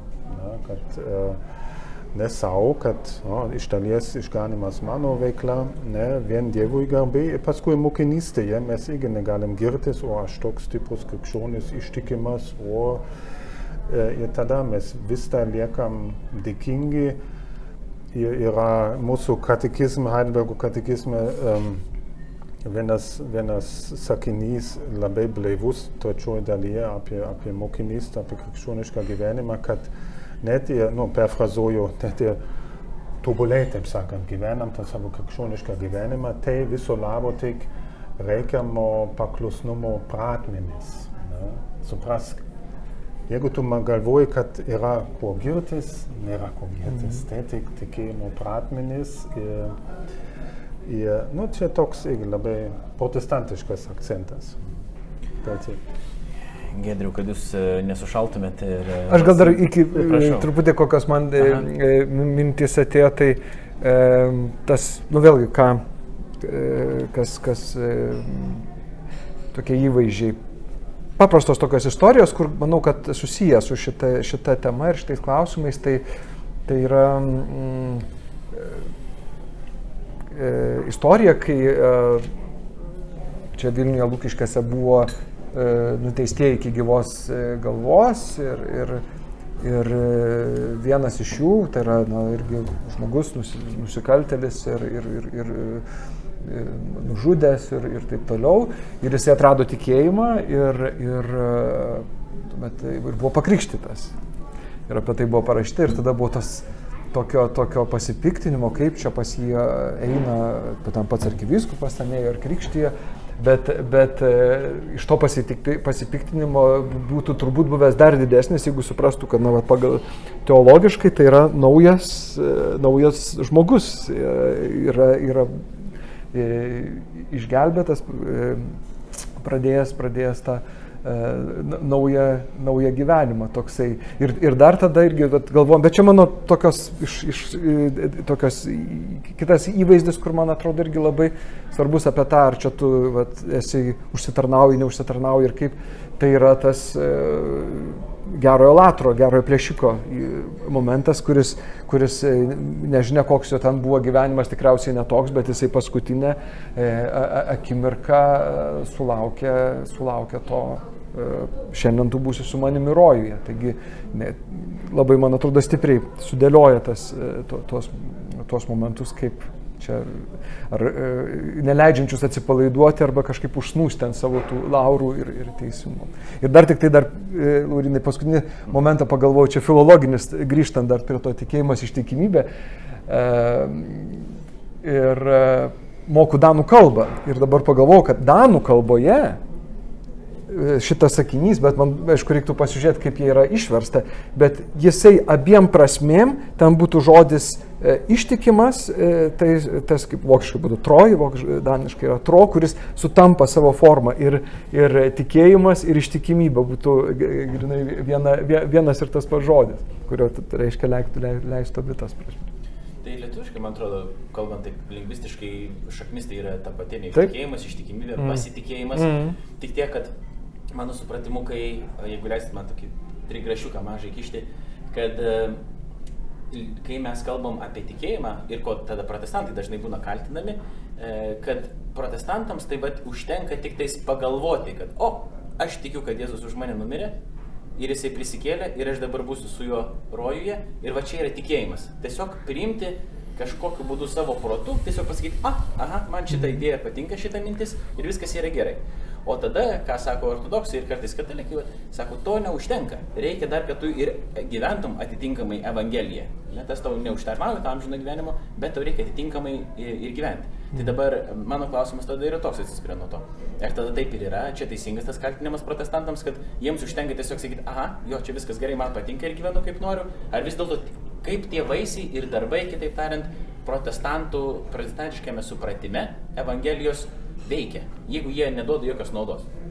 Nu, aš, aš tvirtai sakyčiau, mes, protestantai, turi tas penkias solas ir vienas tų solų yra sola fide, vien per tikėjimą. Ir aš tvirtai to laiky, nu, laikyčiausi ten.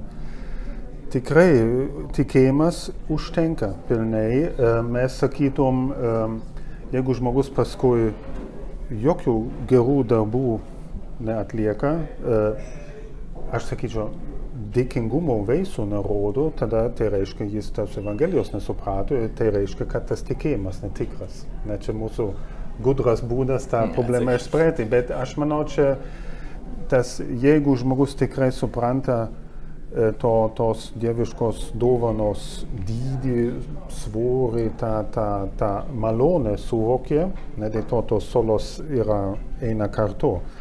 E, fide čia yra ne, ne, ne pigus tikėjimas, bet tai supratimas, kad Dievas išgelbsti vien iš malonės ir taip toliau. E, jeigu tai tikras tikėjimas, tai tie dalykai to, iš to natūraliai išplaukia. Nu, Lutheris labiau akcentavo, kad savaime išplaukia, reformatai biški, na, reikia jau daugiau disciplinos ir, ir labiau tą etiką ir labiau aiškina. Čia galima, aišku, ginčytis, kiek ten reikia žmogui pagalbos, disciplinos, ištvermės ir taip toliau. Um, bet taip, protestantai sakytų, kad uh, iš tikrųjų tikėjimo um, išplaukia tokie dalykai. Um, jeigu neišplaukia, tai tas tikėjimas yra ir apie tai reformatoriai pakankamai daug rašo, dėl to kartais ir prideda gelbstintis tikėjimas, nu, tikras ir taip. Kaip tai yra tam tikra kvalifikacija. 22 klausimas, kas yra tikrasis tikėjimas? Visi tiki, kas netingi, tiki, tiki, nu, žinom, Lietuvoje apklausos 90 procentų žmonių tiki kažką, arba uh, dėl to reikia, nu ką, net apie Dievą, apie, apie Evangeliją, gal, gal mažiau, visi žino, čia krikščioniška savoka kažkaip, bet jeigu mes šiandien kalbam apie Dievą, apie, net apie išganimą, reikia jau Ir dėl to tos knygos rašomos reikia šiais laikais daug komentuoti, aiškinti, kaip mes tą tikėjimą suprantam. Šiandien šiais laikais visų pirma tikėjimas savo jėgomis, savo dieviško potencialo savyje ir taip toliau. Ne? Čia tas, uh, tai to protestantai mes turim, pavyzdžiui, mūsų Heidelbergo katekizme, tas, kas yra tikrasis tikėjimas, puikus atsakymas. Um, nuoširdus pasitikėjimas, bet, bet rišamas prie žodžio, prie Kristos nuopelnų, tą turim paaiškinti ir aišku, savo žmonėms paaiškinti, patys evangelikai turi suprasti, kas yra tas tikėjimas, nes irgi jie veikiami tos kultūros aplink ir ta kultūra gražu, jeigu ji būtų vien kata, krikščioniška, katalikiška, ortodoksiška, bet ji yra jau sekulari ir tas te, mes, jeigu mes dabar jau šiek tiek diskutuojam, um, pasaulyje yra, ta Evangelija yra visai kitokia, tikėjimas visai kitoks ir tada iš esmės mes visi suprantam, Dievas yra tos pagrindinis išganytojas. Aš užsirašau, jeigu vienu žodžiu turėčiau tą Evangeliją apibrėžti, tai mes visi sutatume Dievas. Dievas yra ta Evangelija ir ne žmogus kaip vienas žymusis reformatų um, Benjamin um, reformatų uh, teologas Amerikos um, Benjamin B. Warfield pasakė, yra tik dvi religijos pasaulyje. Uh, mes vienos religijos atstovas, uh, atstovai, Dievas išgelbsti ir kita religija yra žmonės patys Išsigelbsti. išsigelbsti. Kitose religijose, bet, bet ne, ideologijose, ta prasme, e, turim tą vieną evangeliją, e, Dievas išgelbsti, bet apie tas smulkmenas mes diskutuojam, e, bet ta didžioji alternatyva yra ir kitose religijose, pačiam budizme arba kitur, e, tu turi pats išsikapstyti iš, to, to, iš tos problemos ir išsigelbėti.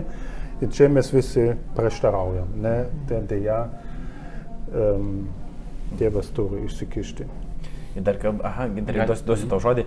Norėjau tik, e, kad nepabėgtų ta mintis, sureaguoti šventam rašte, e, kalbant apie tikėjimą, irgi parašyti labai tokia konkreti vieta. Retorinis klausimas. Tiki, gerai darai, bet ir demonai tiki ir dreba. Tai va, atrodo, ta vieta kalba apie tai, kad tikėjimas nėra savami suprantamas dalykas, dėl to reikia apie jį kalbėti ir klausti, kas čia yra, koks yra tas tikrasis tikėjimas. Ir tada yra visokių kvalifikacijų. Tikrasis tikėjimas, gelbstintis tikėjimas ir visokie kiti panašus dalykai. Bet dabar prašau, gintarai. Aš tai norėjau tokį uh, paklausti klausimą, kuris man atrodo taip uh, paaiškintų, ar ne, va, tą tikrojo tikėjimo sampratą. Tarkim, pas jūs ateina žmogus, nekrikštytas, uh, kuris uh, sako, aš uh, tikiu Jėzu, tikiu, kad jisai uh, už mane numirė uh, ir jis nori krikštytis, bet jisai gyvena su dviem moterim kaip su savo žmonom. Tai uh, ką jūs jam pasakytumėt? Ar jis gali krikštytis, ar jo tikėjimas tikras? Ar jisai turi vis dėlto keisti savo e, pirmą gyvenimą, nu, e, kaip jūs, ką jūs darytumėt? Aha, Nu, bando prigauti dabar. Taip, nu, geras klausimas. Taip, jo, čia, um, nu, kok, koks, kaip slengstis į bendruomenę, aber yra, nu, mes manom, vien tik tikėjimas, e, mes negalim reikalauti iš žmogaus, e, kad jis jau labai gražiai gyventų, arba, nu, kaip tokie nusikalėjimus. Mm. Tas buvo geras pavyzdys. Nu, pirmą sutvarkyk gyvenimą pilnai ir dorai gyvenk ir tada žiūrėsim ir tave prižiūrėsim nežinau kiek metų ir tada žinosim, kad tavo tikėjimas tikras.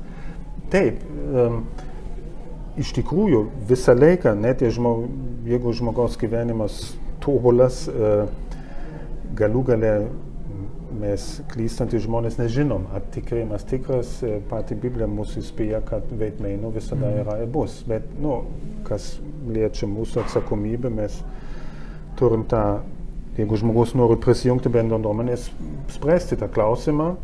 Ir aš sakyčiau, jeigu tikėjimas tikras, e, turim žmogų priimti, jeigu nepakrikštytas krikštyti, pas mus ta konfirmacija ir taip toliau. Ir per ilgai nedėlstis, aišku, bet mes ragintum, jeigu šitaip gyventų, kad bent žmogus parodytų norą, kad jis savo gyvenimą nori sutvarkyti. Nes mes, jeigu aiškinam Evangeliją, mes aišku apie nuodėmingą būseną, apie Evangeliją, ir ką tai reiškia, kokia ta kaina. Ir, ir pats Jėzus jau pakankamai plačiai, ir paskui apaštalai kalbėjo apie tą mokinystės kainą, ne, kad čia tu turi atitinkamai gyventi. Ne, dėl to mūsų katekizme visa ta trečia dalis. Jeigu žmogus nuo pat pradžių sako, gerai, aš priimu viską, bet atitinkamai gyventi, gal jeigu išeis, kažin, aš toks, aš savarankiškas, man, nu tada sakyčiau, nu turbūt žmogus nesuprato, jeigu jis yra Kristaus nusavybė, jo mokinys, eina jo padomis ir taip toliau, nu, reikia laikų žmogui paaiškinti, tavo tik, tikėjimo sprendimas turi tam tikras pasiekmes. Ne? Tu, tu tapsi Jėzaus nusavybė, jo mokinu e, ir taip toliau. Nu, tą reikia laiku paaiškinti. Jeigu žmogus tada Ir tada nereikalaučiau nu, pakeisti savo gyvenimą iki rytojaus. Um, turim Afrikoje, ne, jeigu žmogus turi um, mm. daug patysti, ne, ten, ten keturias žmonas, ten būtų kvaila sakyti, nu atleisk tris, nes čia negerai. Um, jeigu žmogus gyvena kohabitacijoje, aš, nu, sakykime, dažnas atvejas Lietuvoje, aš sakyčiau, nu tada bent eikit į metrikaciją, nu, sutvarkykit tą ir tada šnekėsim vėl, ne, ir gal kada nors bus tada bažnytinis santoka, nu, pas mus tokia galimybė, ne, čia, nu, norėčiau, kad būtų to, matyčiau, nu, žmogus rimtai į tą žiūri ir rodo norą sutvarkyti savo gyvenimą, bet ne, nelaukčiau, kol viskas tobuliai sutvarkytas. Ne? Sakykime, reikia mesti rūkyti, ir to, ir to, ir to, ir paskui būsi subrendęs. Ne? Tada aš sakyčiau, nu, retas žmogus pilnai subrendęs. Mes dėl to protestantai gan teisėtai, aš manau, atskiria, čia yra šventėjimas arba mokinystė, čia yra išteisinimas ir nereikia tą sumaišyti, nes išteisinimas tikrai iš malonės, viskas, taip sakant, uždyka ir reikia žmogų iš karto priimti ir paskui visas, visa krikščioniška branda, šventėjimas, augimas yra jau pačioj bendruomenėje, bet ne kaip, kaip e, paskui atlyginimas paskui, mm. tada, dabar priimam, ne, čia kaip, kaip elitinį krikščionį. Mes, bet iš principo reikia pagal situaciją spręsti, ne čia ta, toks, um, bet reikia, nu, mes manom Naujam testamente, mes matom tos, uh, tas uh, š, iš, iš Etiopijos pas uh, Pilypą, tas uh, apaštalų darbuose, uh, skaitė raštą, Pilypas jam aiškino tą Izaijo ir kas trūktų, kad būčiau pakrikščinęs, jis buvo pakrikščintas ir, ir viskas gan greitai vyko. Ne? Ir aš manau, čia toks, jeigu tas tikėjimas, reikia žmogų priimti.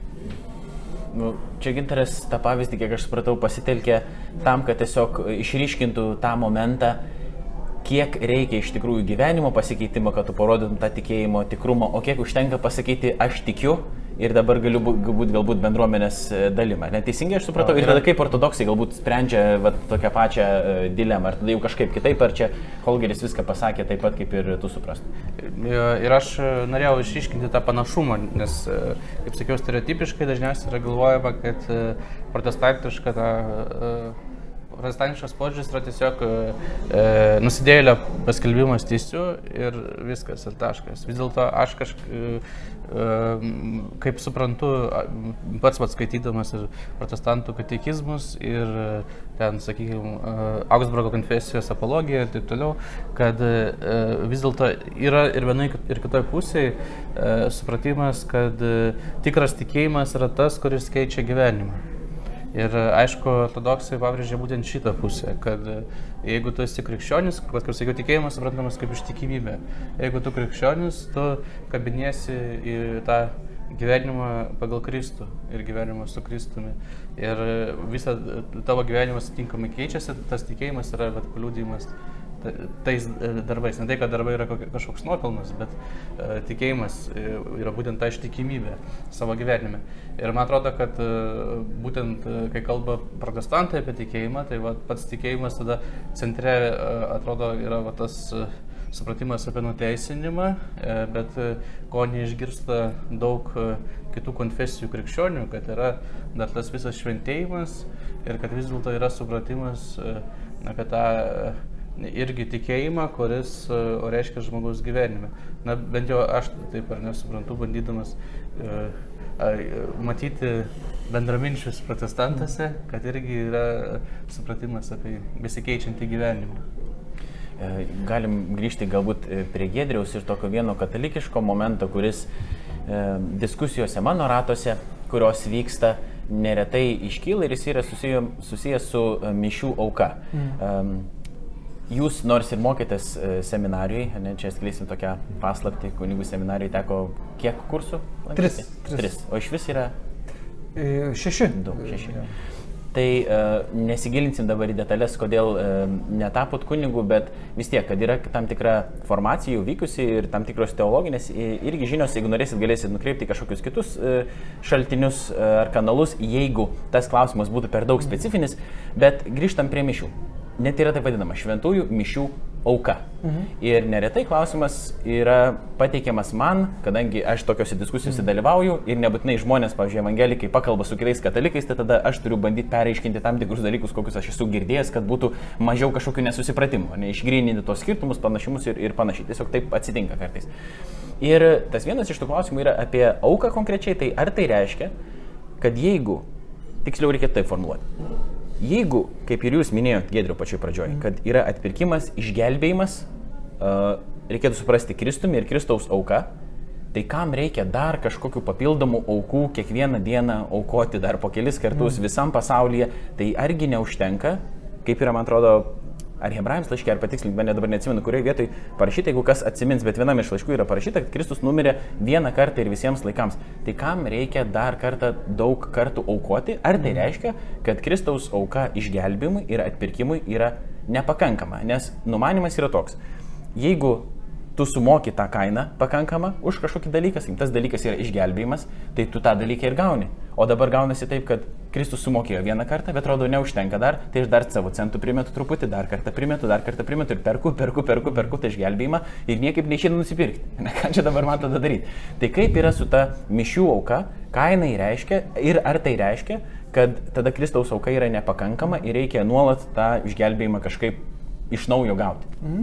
Čia aišku, manau, kad e, galima būtų labai iš, iš, daug išsameu išsakyti, negu aš čia pajėgsiu, bet e, ko gero pačios e, mišių šventimo sampratos esminis žodis yra Kristaus aukos sudabartinimas. Tai ir, ir, ir tai yra tas tų vaisių, tos aukos vaisių prieinamumas ir, kad, ir kaip Euharistija, kai ta, e, kartu kaip tas duonos įvaizdis, e, kuri, kuri yra kasdienė ir reika, reikalingas tas maistas e, kiekvienam, kiekvienam tikinčiajam.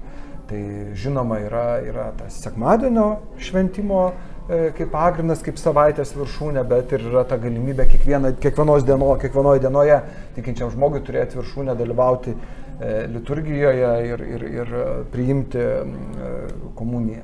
Bet e, ta kita pusė, kur čia šiuo atveju žodis sutampa, ne, auka kaip mišių auka ir, ir tada ta auka, kurie tikintieji paukoja, sakydami, parašydami savo intenciją, už ką prašau pasimelsti, ir ten už mirusiosios, ar už kažkokį ligonį, ar, ar nežinau, ar, ar, ar, ar už taiką pasaulyje. Tai, tai e, e, manau, kad da, šiandien ta samprata yra, yra visiškai aiški. Tai yra, tuo žmogus gali paprašyti ir palikti tą, nežinau, e, simbolinį ten vieną, vieną eurą e, ir, ir tai yra, e, o, o tikslas tos aukos tai yra prisidėti prie bažnyčios išlaikymo. Nu, va, tokia, tokia, tokia forma, kadangi nėra E, Lietuvoje nei tų kažkokių bažnytinių mokesčių ar panašiai, nu, tai yra vienas, vienas iš būdų prisidėti prie tų, to, to kad ta, tavo bendruomenė gyvuotų, kad tas kunigas turėtų už ką duonos nusipirkti. Tai, bet, bet tai tiesiog tu gali e, eiti dalyvauti tose mišiose kasdien ir nenešti ne, ne, ne, ne tos aukos tiesiog, ar aukų dėžutė palikti, ar kaip būna per pamaldas ta rinkliava e, daroma prie, per aukojimo daly liturginiai, ten įmesti tą, tą savo paramą, na, tokia, tokia forma. Kas seniau yra buvę, tai manau, kad visokių turbūt dalykų rastume, bet šiandien tai yra, tai yra šitas supratimas. Ir dar čia mes tiklinkim tada šitą vietą, kadangi mm. jis paminėjo dvi tokias detalės, uh, norėčiau aš, kad sugrįžtume ir akcentuotumėm tą teologinę dalį, nors jūs gerai paminėjote irgi, nors man net nebuvo mintise iš tikrųjų apie tos finansus, bet neretas lietuvis E, nominalus katalikas sako, einu užpirkti mišių. Taip, taip. Tai reiškia, reikia sumokėti pinigų. Arba čia, ma, čia mano mišios, dabar ja. jūs čia neikit, nes čia mano. Ja, aš sumokėjau pinigus. jo, mes čia pirmam suolė sėdėsim. Ja. O, tai čia yra ta dalis tokia mm. tikrai vat, problematiška įvairiose konfesijose, net nebūtinai kalbant apie vien katalikus, kad užpirkti ten mišes, bet iš apskritai kaip finansai dalyvauja mm. uh, bažnyčios gyvenime. Uh, aš noriu grįžti dar prie to, uh, teologinio tokio klausimo e, išgryninti irgi, ne? Mhm. Tai minėjot, kad yra Kristaus auka sudabartinama. Mhm. Ne? Reikėtų pagal implikaciją suprasti, kad nėra iš naujo aukojamas Kristus, tas pats, kad daug kartų aukojama, bet ir sudabartina. Bet ką tas tada tiksliai, ka, kaip galima sudabartinti tą auką? Kodėl protestantai neturi mišių mhm. aukos? Mes turim, e, aš evangelikas irgi esu, ne evangelikas reformatas, aš esu iš menonitų bažnyčios, bet e, yra pamaldos, pas mane net žodis, nevartojamas mhm. pamaldos. Ne? E, ortodoksus dieviškoji liturgija, katalikus e, mišių auka. Tai va, tai yra skirtingi žodžiai, skirtingi pavadinimai, reiškia tam tikrus šiek tiek skirtingus dalykus. Ne? Tai auka sudabartinama, kaip mes galim sudabartinti tą auką kažkaip, kaip, kaip tai vis, nu, tai kažkaip net mhm. netelpa, mm -hmm. atrodo, va, paprastam protestantui, sakau, kuris va šitą klausimą klausė, netelpa į galvą. Kaip tu ateini į pamaldas, tiesiog šlovinti Dievą, dėkoti Kristui, kad jis už tave numirė, o ne dar kartą dalyvauti kažkaip tame va, procese, kažkaip sudabartintame. Čia yra turbūt mm, tai, ką aš paminėjau, patektų į vieną tokį lauką tos teologinės minties, kuris būtent, kad tai yra tu, tu E, tas supratimas, kad tas, tai, kas vyksta ant altoriaus, tu, tu realiai uh, dalyvau, taip gauni tą galimybę realiai būti tuose įvykiuose. Tai yra realiai tu esi kryžiaus, e, kryžiaus papėdėje. Ir, ir, ir, ir tas, tas įvykis čia ir dabar per Dievo galybę, per jo veikimą įvyksta, įvyksta čia ir, ir dabar e, tavo akise, tu aišku tą matai tikėjimo akimis ir, ir kartu e, e, kaip viršūnę pasveikini tą. Mes kelbėme e, viešpatie tavo mirtį e, ir išpažįstame tavo prisikelimą, laukdami tavęs ateinant. Tai yra tas e, tikėjimo supratimas. Šit viena, viena, vienas didelis elementas. Kitas yra, kas turbūt sėtųsi su su, su e, reformacijos e, bendruomenėmis, tai yra tas paskutinės vakarienės, e, kad mes susirenkame paminėti vakarienės, to duonos, duonos laužimo prie, prie bendro stalo. Ir, ir, ir net šiandien, ko gero, katalikų bažnyčioje mes matome tai kaip tos dvi dvi sampratos, jos viena šali bando sugyventi, tarkim, viena, viena pusė e, labiau tam tikrose bendruomenėse labiau akcentuojama tas, e, tas momentas, kitose bendruomenėse tas, tas, e, tas buvimas, buvimas kartu, net ir ratų buvimas aplink altoriaus stalą. Ir tai, tai, bet Tai tik parodo, kad iš tikrųjų nu, yra, yra, ta, tai, tai yra, yra ta įvairovė. Bet, bet, bet kiekvienas turi savo, kiekvienas, kiekviena šita turi savo tą tokią teologinį didelį e, pagrindimą, kur na, man gal ir sunku būtų taip giliau, giliau jas pristatyti. Ir paskutinis ta, toks trumpas klausimėlis einant jau vėl ir prie Holgerio, bet pirmiausia dar tikriausiai prie Gintaro, kadangi e, vėlgi, kad ne, neatšaltų nesmegenų raumenis. Tai ar gali katalikas tada atsakyti trumpai, ar jis tiesiog turi tokią galimybę, nebandydamas plačiai pažinti, kas yra labai gerai, kad mes dabar padėjom šiek tiek plačiau pasiaiškinti šitą klausimą, atsakyti trumpai į tai, ar užtenka Kristaus aukos ar ne. Ar katalikas gali pasakyti, taip užtenka arba ne, neužtenka. Man atrodo atsakymas e, taip, jinai yra visa, e, visa, visa apimanti ir, ir tiek laike, tiek erdvėje. Mhm. Gerai, tai nėra taip, kad čia reikia dabar kaip žuviai vartytis, mm. ar ne, jeigu norisi ilgiau išplėsti, tai galima, bet jeigu Mm. taip, tai nėra tai kažkokių problem, problemų pasakyti, kad e, taip užtenka ir tada yra, bet va štai ką mes darome. Ne?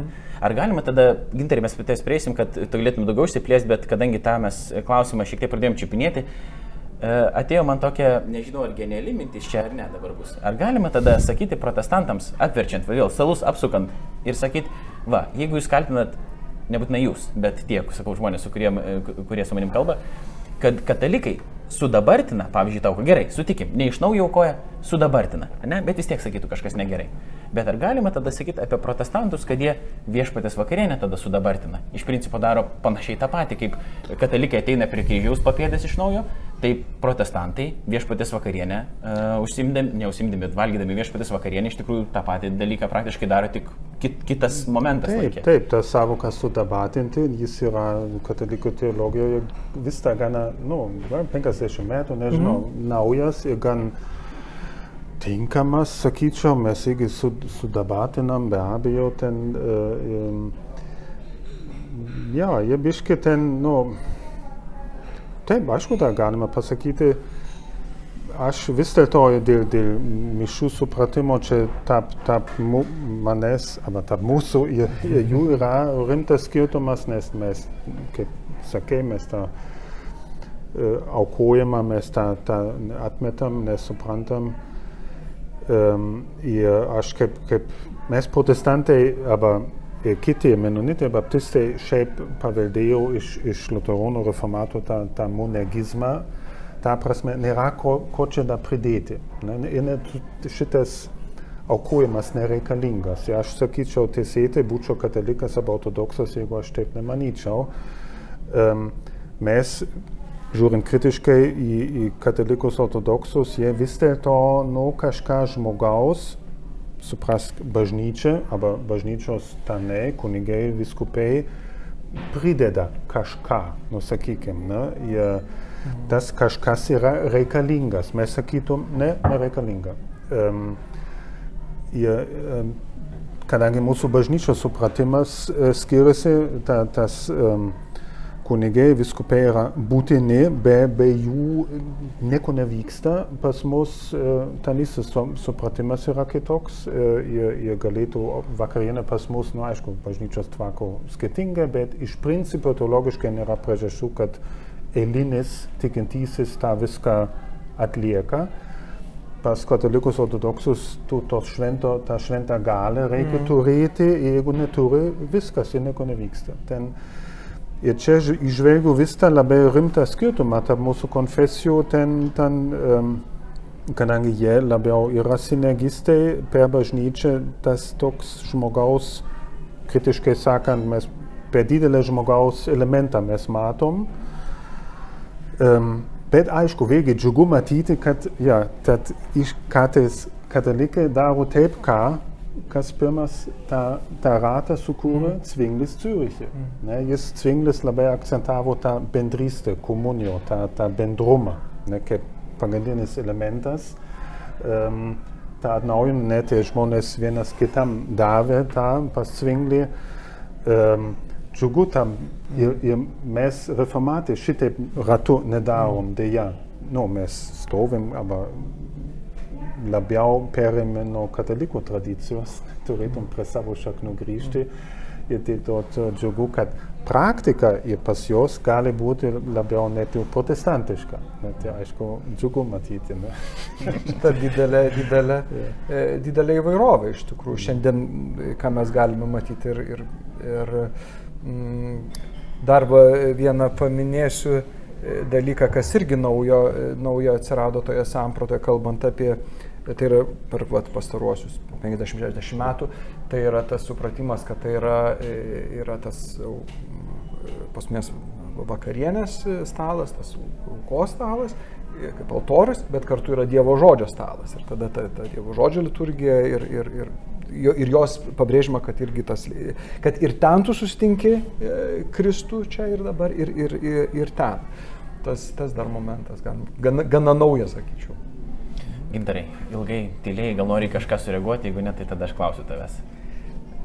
Tai gal paklausgai. E, Tai paklausiu, kaip norėtum sureaguoti. Ne, ne, juokauju. Tai, e, gal tu galėtum tada paaiškinti, e, kadangi jau pradėjom kalbėti šiek tiek apie liturgiją ir kas vyksta pamaldose reformatų, kas vyksta katalikų mišiuose, tai kas vyksta tada ortodoksų dieviškoje liturgijoje, kokie yra panašumai, skirtumai galbūt su protestantais ir katalikais, nes atrodytų, kaip ir pradėjo Holgeris kalbėti, kad jūs, e, jūsų konfesijos turėtų daugiau panašumų um, tarpusavyje negu su protestantais, kadangi irgi lyg tai kažkokia auka vyksta ar ne, kaip yra su to Dievo žodžio stalu, jisai pakankamai svarbus, nes pavyzdžiui, homilijos arba, pamo, nežinau kaip pamokslai yra ortodoksų bažnyčiai e, vadinami. Homilija tai yra pamokslo žanras. Gerai. Uh, tai kas katalikus dažniausiai tiesiog homiliją nevadina, bet iš principo gerai. Pamokslas dažnai būna trumpas, ten vos ne 8 minutės ir panašiai. Pas protestantus tai 58 gali būti, e, kaip, kaip kur, ne, bet tai yra tam tikras tas Dievo žodžių stalas, pas protestantus yra svarbiausias. Čia atrodo, va, auka ir Dievo žodžių stalas, kaip yra tada pas ortodoksus. Iš tikrųjų, ortodoksai apskritai tokie uh, vakaruose labai įdomiai pozicijoje, nes tokie uh, biški kaip protestantai, bet ne kaip protestantai, ir biški kaip katalikai, bet ne katalikai. Ir Amerikoje juokauja, kad mes evangelikai, bet ne protestantai, ne reformatai, ir uh, mes katalikai, bet ne Romas. tai va, nes žodis katalikas jis irgi ir katalikų bažnyčia, jeigu žiūrėt graikų kalbą, jisai ortodoksų yra naudojamas save apibūdinti, bet katalikijoje eklesyja paprastai lietuviškai verčiama visuotinė bažnyčia. Tai va, tai žodžiu yra tokių panašumų ir aišku, kad ortodoksų liturgija į savo struktūrą yra gimininga katalikų mišiom irgi turi tokius du pagrindinius dėmenis. Yra, nu, mes vadinam katechumenų liturgiją, o kad Romos ryte tai vadinasi žodžio liturgija, kur yra gėdamas psalmės, šlovin, šlovinamas Dievas, e, iškilmingai išnešama Evangelija ir skaitomas apaštalų raštų ir Evangelijos skaitinys. Ir tada seka homilija arba pamokslas. E, ir e, pamokslas taip pat gali būti perkeltas praktikoje į pačią pabaigą pamaldų, bet e, originali vieta yra būtent ten. Ir jeigu žiūrėti bažnyčios tėvų raštus, iš tikrųjų bažnyčios tėvai kalba apie tą žodžio komuniją, žodžio bendrystę ir Origenas netgi sako, kad e, kaip žmogus gavęs e, e, į rankas, tais laikais duodavo Kristaus kūną, stengiasi, kad joks trupinėlis nenukristų ant žemės, lygiai taip pat turėtų klausydamas Dievo žodžio, stengtis, kad joks trupinėlis nenukristų ant žemės, kitaip tariant, kad kiekvieną žodį išgirsti, suprasti ir priimti. Tai tas irgi, taip sakant, svarbus toks vienas iš dieviškosios liturgijos įvykių, Dievo žodžio išgirdimas ir perskaitimas. Ir antroji e, liturgijos dalis, kuri e, vadinasi ištikimųjų liturgija, tai irgi tas žodis graikiškas pistos gali būti ir tikintysis, ir ištikimasis verčiamas, kaip ir su žodžiu pistis, tikėjimas, ištikimybė. Tai aš sakyčiau, kad ortodoksiškai dėlėtų versti ištikimųjų liturgiją arba e, katalikai vadina aukojimu, eucharistiniu kanonu. Ir toje ištikimų liturgijoje, kodėl taip vadinasi, senovėje galėdavo dalyvauti tik krikštyti žmonės, kurie nebuvo padarę sunkių nuodėmių, dėl kurių būtų jiems paskirta atgaila. Kitu atveju jie turėjo išeiti iš E, bažnyčios pagrindinės tos patalpos e, ir netgi kai kur yra likusi tradicija, kad po e, baigiantis žodžio liturgijai diakonas sako, kad techumenai išeikite, visi katechumenai išeikite, ten ne vienas katechumenų nepasilieka. Ir ištikimų liturgijoje yra švenčiama Euharistija ir irgi tiki ortodoksai, kad duona ir vynas virsta Kristaus kūnu ir krauju ir kad e, ją priimantis e, žmonės dalyvauja toje šventoje bendrystėje su Dievu ir vienas su kitu.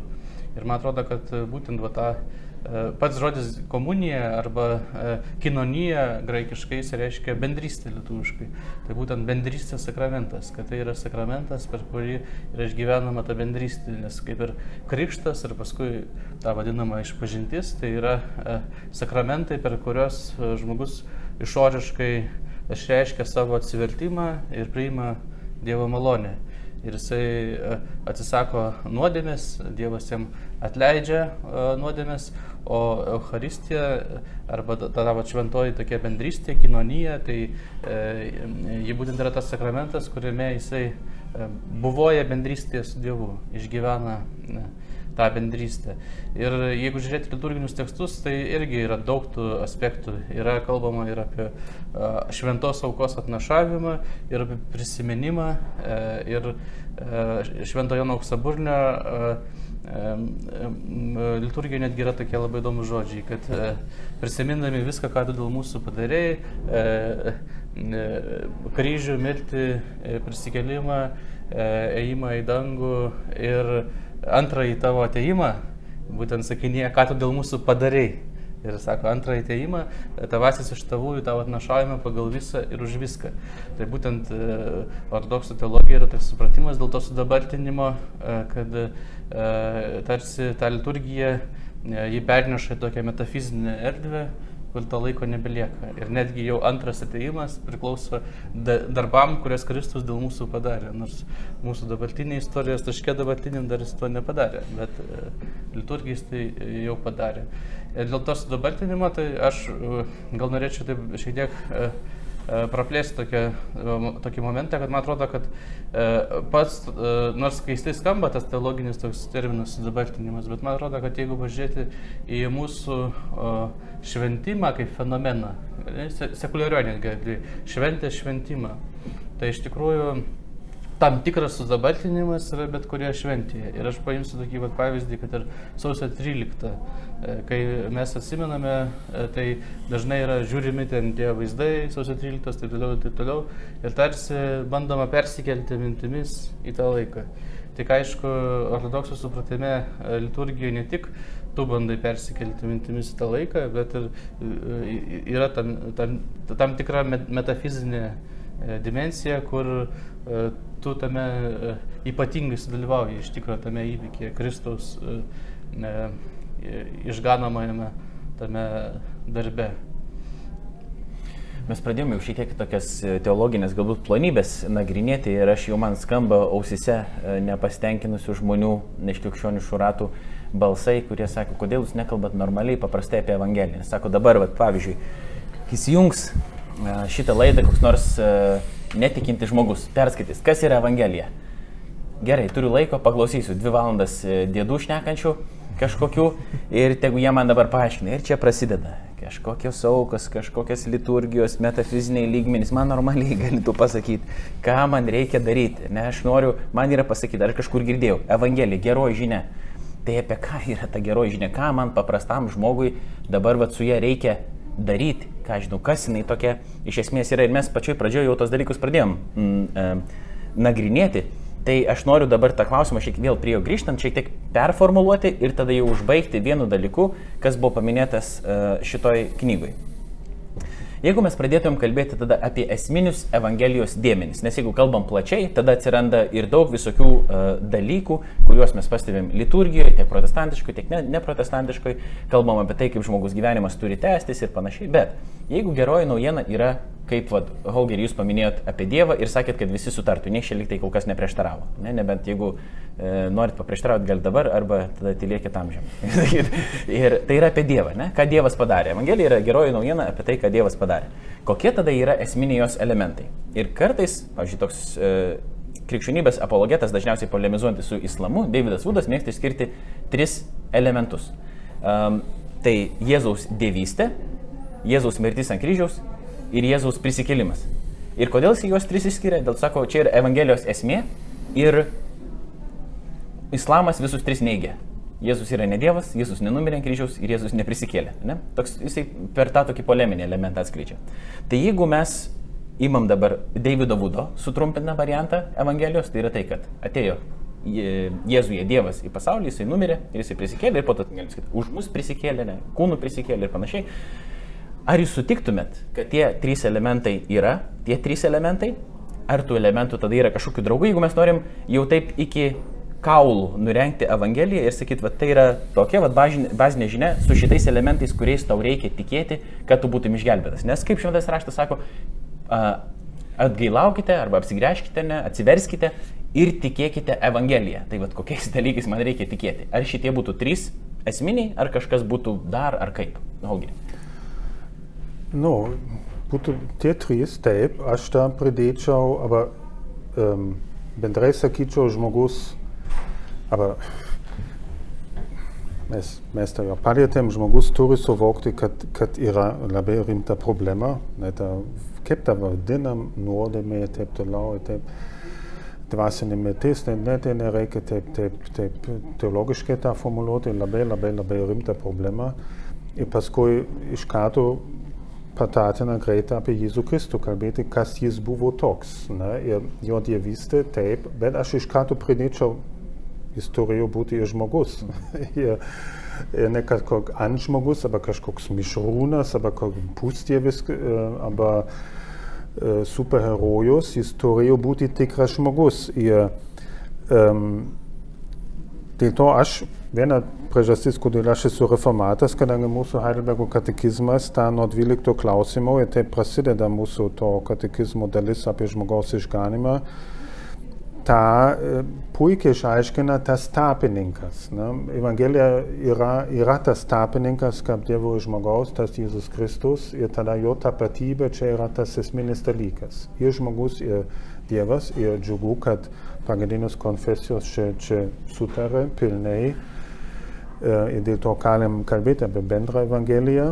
Jis turėjo ir žmogus, ir Dievas, um, tikras žmogus, ne kažkoks, ir ten buvo trečiam, ketvirtam amžiuje tie ginčiai ir mes čia visi turim naudą iš to, kad mes, mes visi sutarėm, ne, Jėzus buvo ir tikras žmogus, tai buvo irgi nesavaime suprantama. Um, apie tą aš labai akcentuočiau ir tą reikia pagrysti ir apginti, tikras žmogus, tikras Dievas.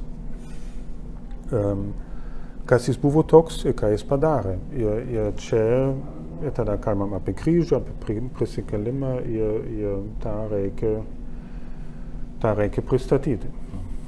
Gedriau, tas pats klausimas jums, kaip jūs reaguotumėte? Aš pritarčiau dėl tų e, trijų dalykų ir taip pat e, ir dėl žmogystės, aišku, Kristaus. Ir, ir gal e, taip asmeniškai akcentuočiau tą, tą nežinau, paliūdinimą savo patirtim, kad tai yra, tai tai palėtė mano gyvenimą ir tai lygiai taip pat liečia, tarkim, mano pašnekovo gyvenimą. Tai yra jam taip, taip pat tas, tas įvykis, e, dieva, Dievui tu rūpi, Dievas e, tave kviečia, Dievas yra su tavim. Kitaip tariant, dar jūs pridėtumėte ir tą momentą, kad tai nėra tiesiog kažkokia žinia, kažkokie dalykai, kuriais reikia tikėti, ar doktrinos, ar supratimai, bet to pačiu, kad tai yra kažkaip tai turi tapti asmeniškai. Taip, tą asmeniškai.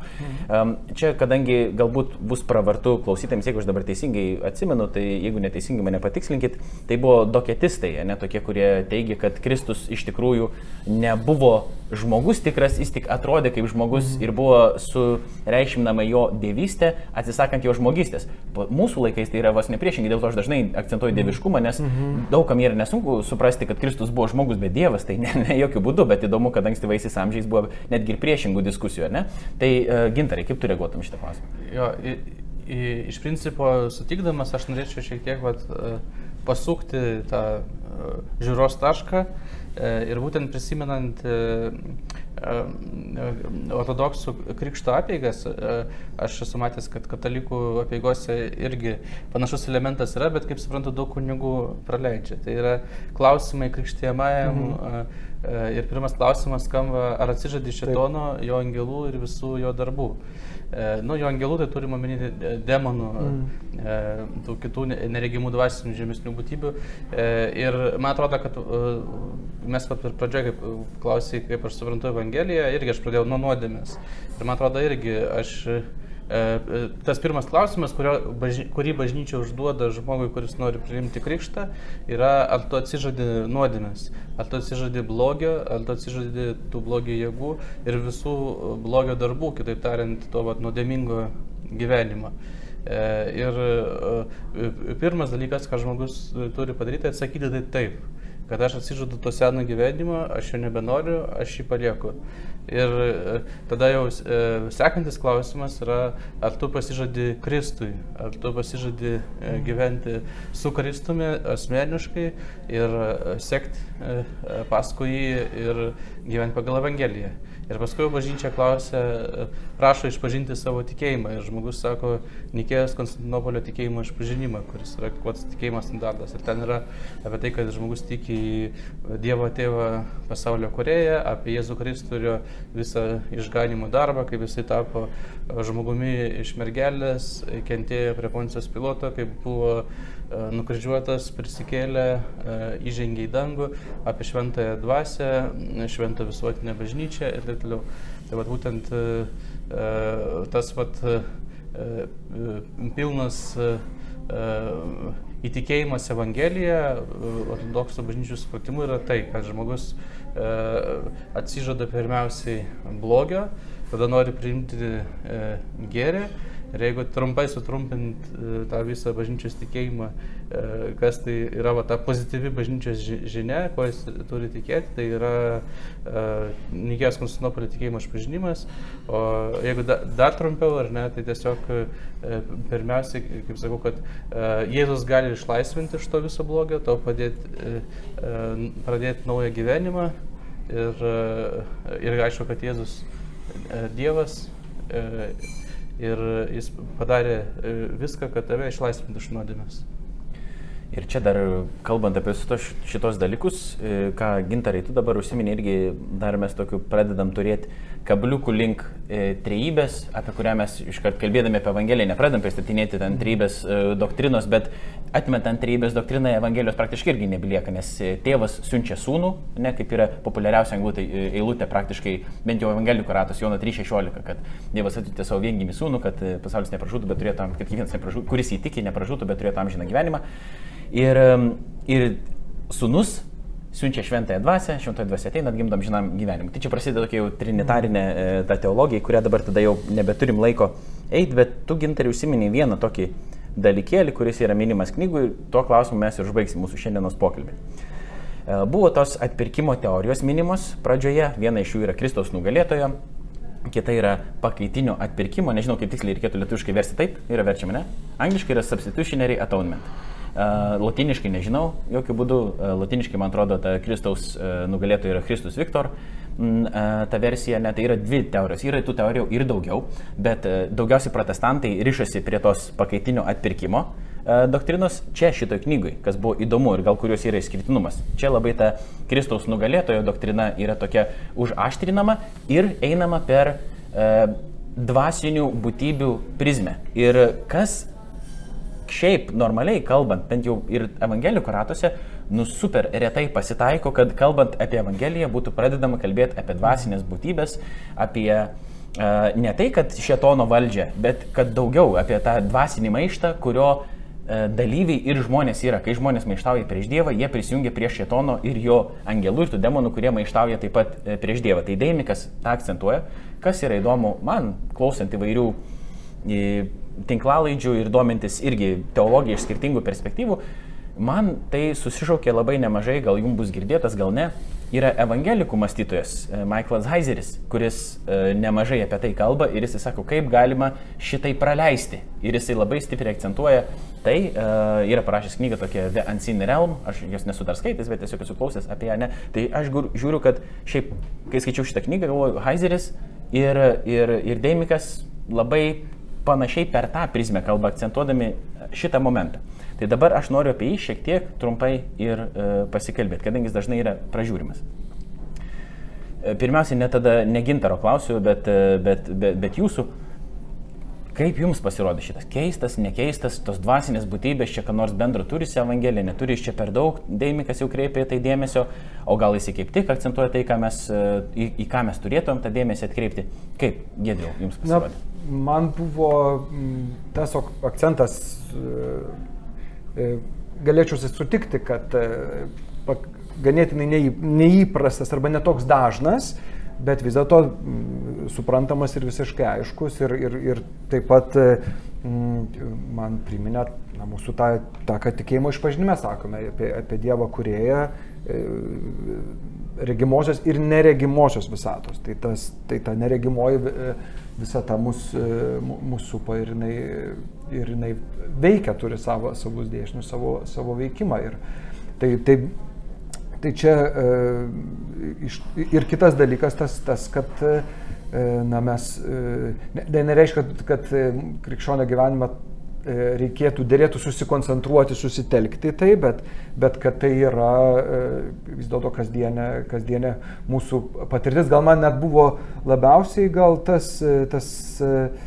žinau, kad aišku yra ir katalikų teologijai skiriama angelų, tai temai nemažai vietos, bet man nebuvo tekę tiek su jas plačiau susipažinti, kiek šitoje knygoje gana, gana praplėstas tas buvo e, momentas, e, apie demonus tarsi jau daugiau kažkur gali, bet va, tas, ta, ta angelų, angelų veikimo pusė, nes kalbame galybės ir, ir tie, tu, tik tai gal šiais laikais, čia vėl kas katalikų bažnyčia, tai su popiežium Pranciškum gana buvo gana netikėta ir dėl iš dalies paradoksalu, kad jisai sugražino e, šitą, šitą momentą ir dažnai mini piktojo veikimą arba E, kažkokiais labai kritiniais e, momentais kreipiasi, kviečia visus e, melstis į Arkangelą Mykolą ir, ir, ir na, va, tas, tas, tas, tai tam, tam ta prasme man buvo tai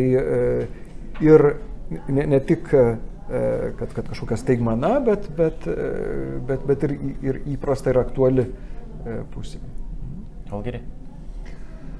Jo, čia gal pirmą, nu, aš kaip evangelikas turėčiau, mes, mes turėtum atgailauti, kad būtent protestantų liberalizmas įnešė tą, tą mintį, kad nu, tokios būtybės visai neegzistuoja. Ne, Bultmanas ir kiti tą, tą akcentavo, aišku, savaime aišku, kad tas velnis nu, yra blogos jėgos, bet, bet demonų, velno, velno ir taip toliau nėra. Čia yra mūsų vis gal, nežinau, dėl katalikų, aišku, mūsų protestantų kaltė, kad ir, žinoma, galim dėkoti ortodoksams, kad priminė mums, kad nu, šitas pasaulis yra. Aš kaip nu, ortodoksinis evangelikas turim Heidelbergo katekizmą. Pačiam pirmam, pirmo klausimo atsakymą, kad Jėzus Kristus išvadavo mane iš visos velno galybės. Ne, tos velno galybės mūsų katekizme kelis kart minima šita savoka, tai tai susišaukia su tuo, mes irgi tikim, kad velnės yra, demonai yra, angeliai yra. Um, vis dėlto um, akcentas toje knygoje yra kitoks. Ne? Aš, pavyzdžiui, autorius uh, rašo, Jėzus Kristus Evangelija savo esmė yra išpolis prieš demonų karalystę. Nu, nepasirašyčiau, ne, nesutikčiau. Aber demonų išvarymas buvo Jėzaus misijos širdis. Ne, nesutikčiau.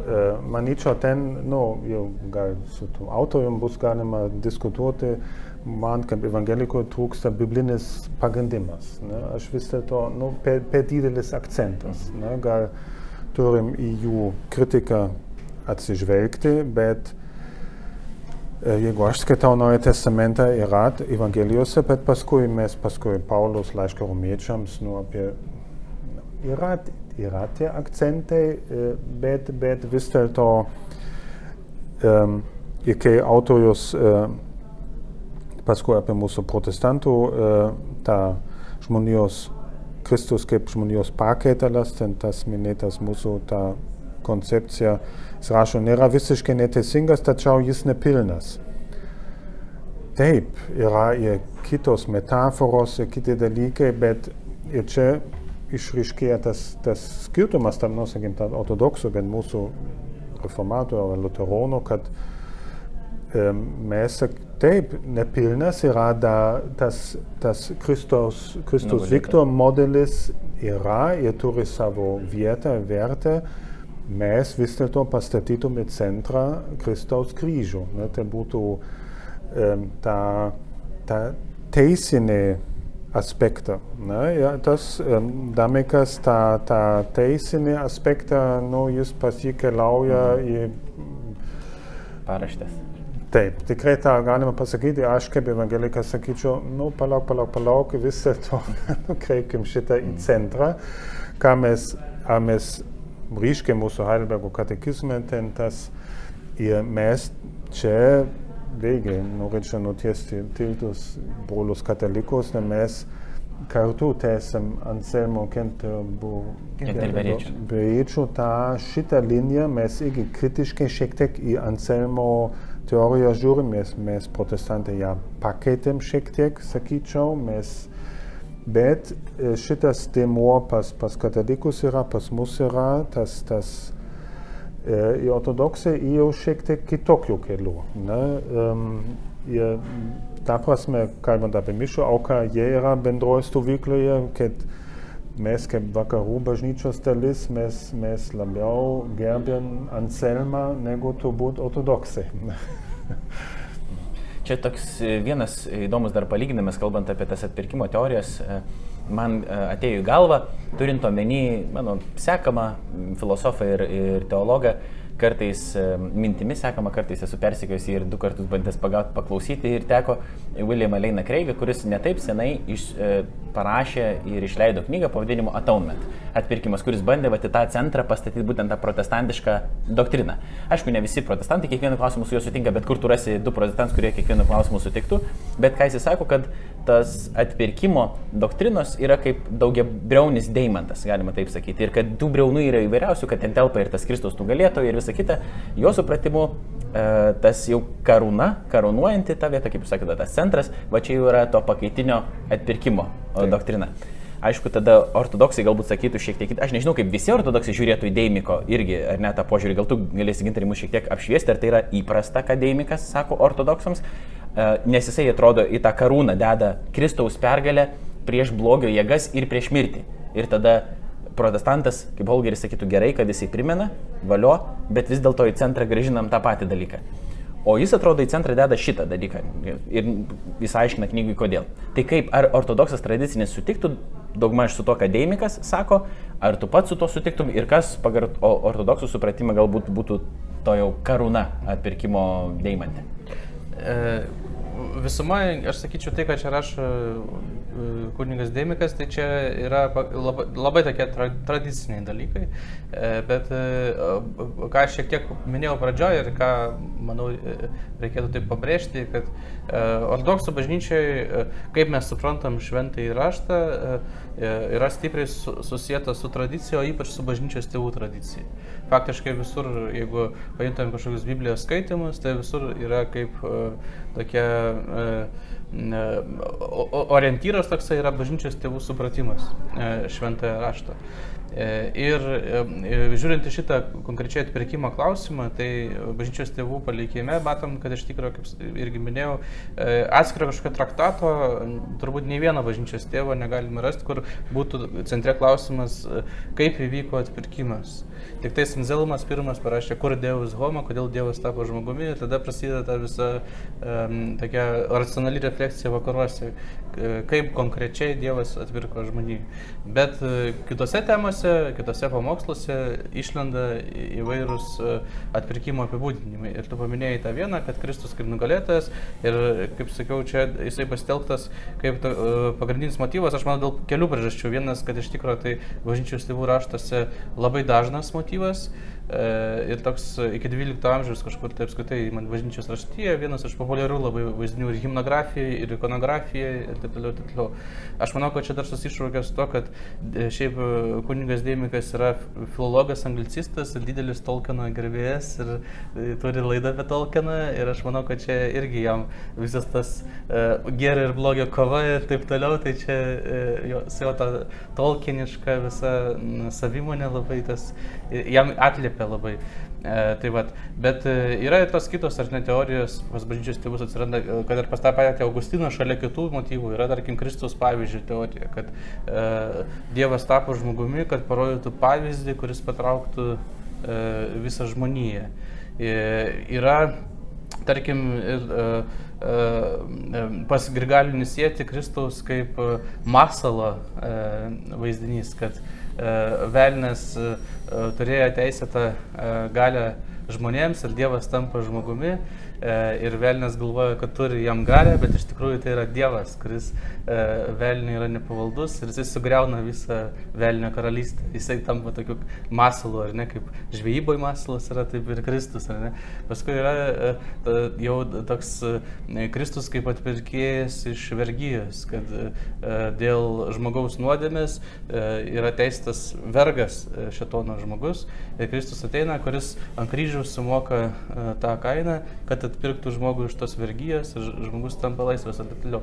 Ir aš manau, kad žvelgiant iš šitos patristinės perspektyvos, tai būtent tai yra įvairios metaforos ir alegorijos, kurios bažnyčios tėvų raštos iš tiesų egzistuoja šalia. Ir dėl to aš manau, kad labai čia kunigas Demikas labai taip taktiškai parašė, aš kažkaip tai nebuvau užfiksavęs šitos vietos, kad e, ta protestantiška pakaitalo teorija, kad e, nėra neteisinga, bet nepilna. Labai aš manau, čia taip jis gražiai ir e, mano žvilgsnių, vat, tai irgi taip yra, kad tai yra viena iš e, metaforų, kuri e, turi e, teisę egzistuoti tarp visų kitų, kurie apibūdina tą išganamą į darbą.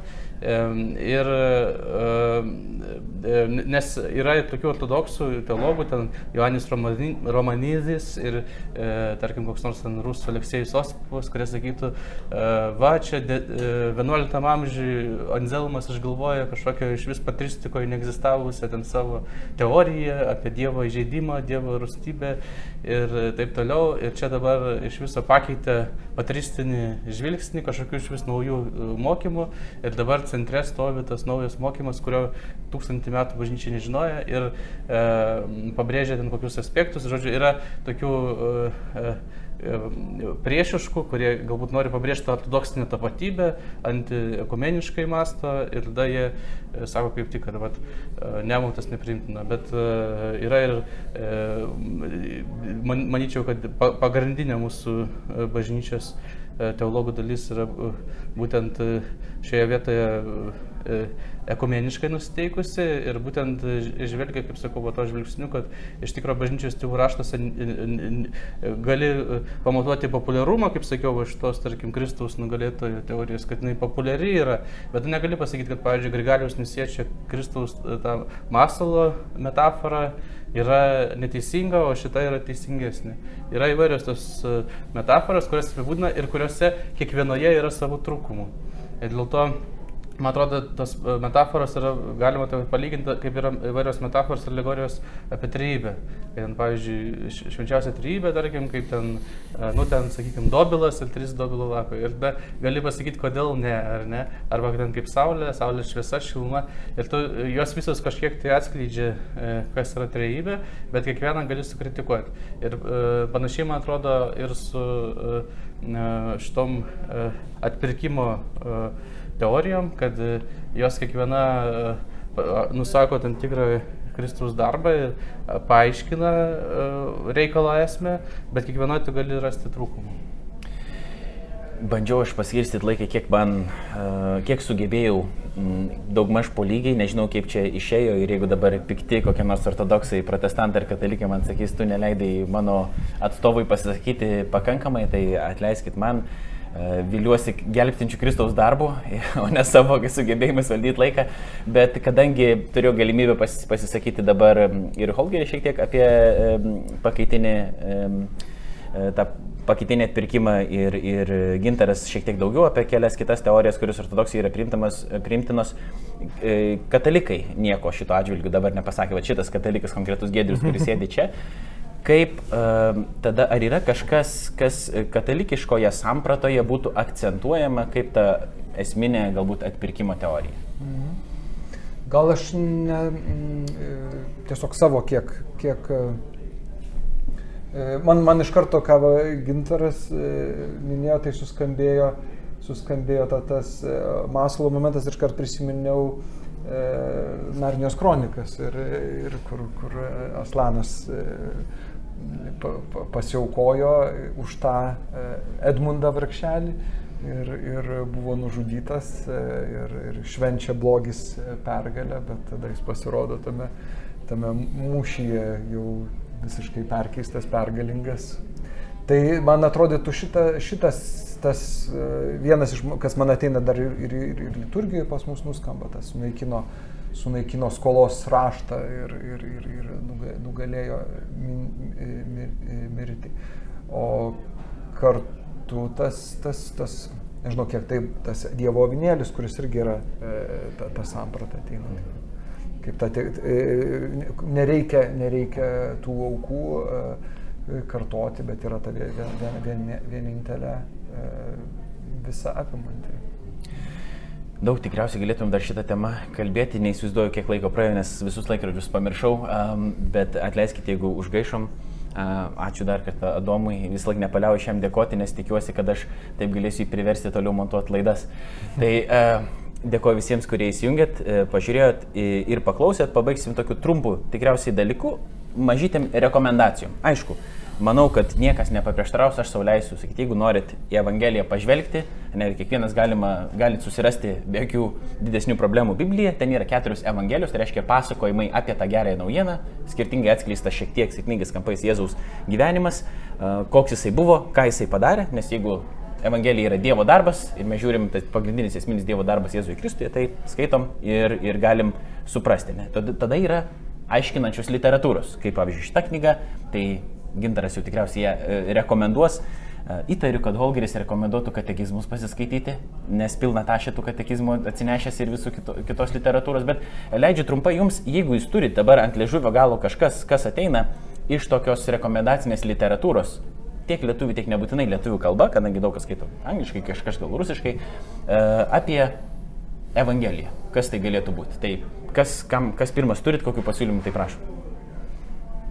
Ne, pas mus, kadangi yra tas didelis literatūros lietuvių kalba trūkumas, tai dėl to ir mes ir Evangeliją išvertėm, kad būtų pradžia ir aš tikiuosi, kad mes ir su žmonių pagalba finansinė ir tęsim tą veiklą ir išleisim daugiau tokios literatūros. Mhm. Ir aš manau, kad mes galėsim, atsiprašau truputį, kad dar aš iškaulius iš gintaro kokią knygą ir galėsim padovanoti kažkam, kas, kas norės, iš, iš, iš žiūrovų suglosiu vėl būdą, kaip tą galėtumėm padaryti, bet gedriu prašau. Man e, tiesiog ateina tas, kadangi užsiminiau apie Liujisą, tai ir apie jį ir pagalvojau, apie tiesiog krikščionybę. Mhm.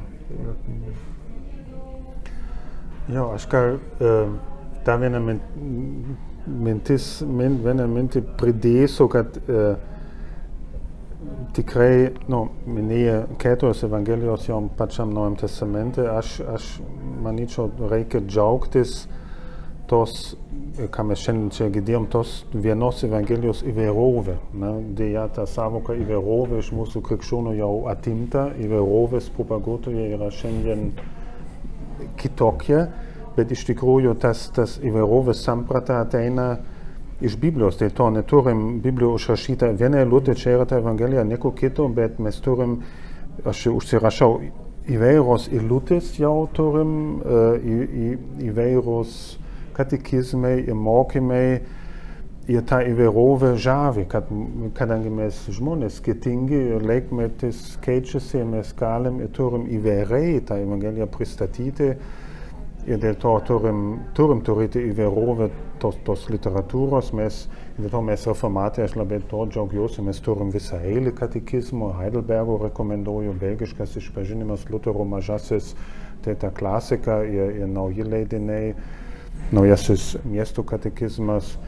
E, ir tai yra labai džiugu, nes pats Dievas yra įvairovė, trejybinis Dievas ir dėl to įvairovė šiaip mūsų, mūsų samprata, dėl to tai nereiškia relativizmas, kad uh, viskas yra koks skirtumas, tarp mūsų bažnyčių yra rimtų skirtumų.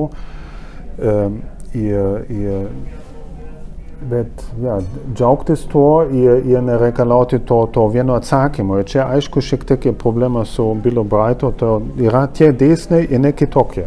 Na, aš sakyčiau, tegul būna daug tų dėsnių, žmonės skirtingi, galim skirtingai aiškintis, e, aiškinti ir, ir galim ir įvairias knygas skaityti, dėl to aš irgi rekomenduočiau šitą knygą skaityti, bet pridėčiau iš karto, nu, čia vis dėlto ne mūsų mhm. teologija, tai, tai ta įvairovė praturtina.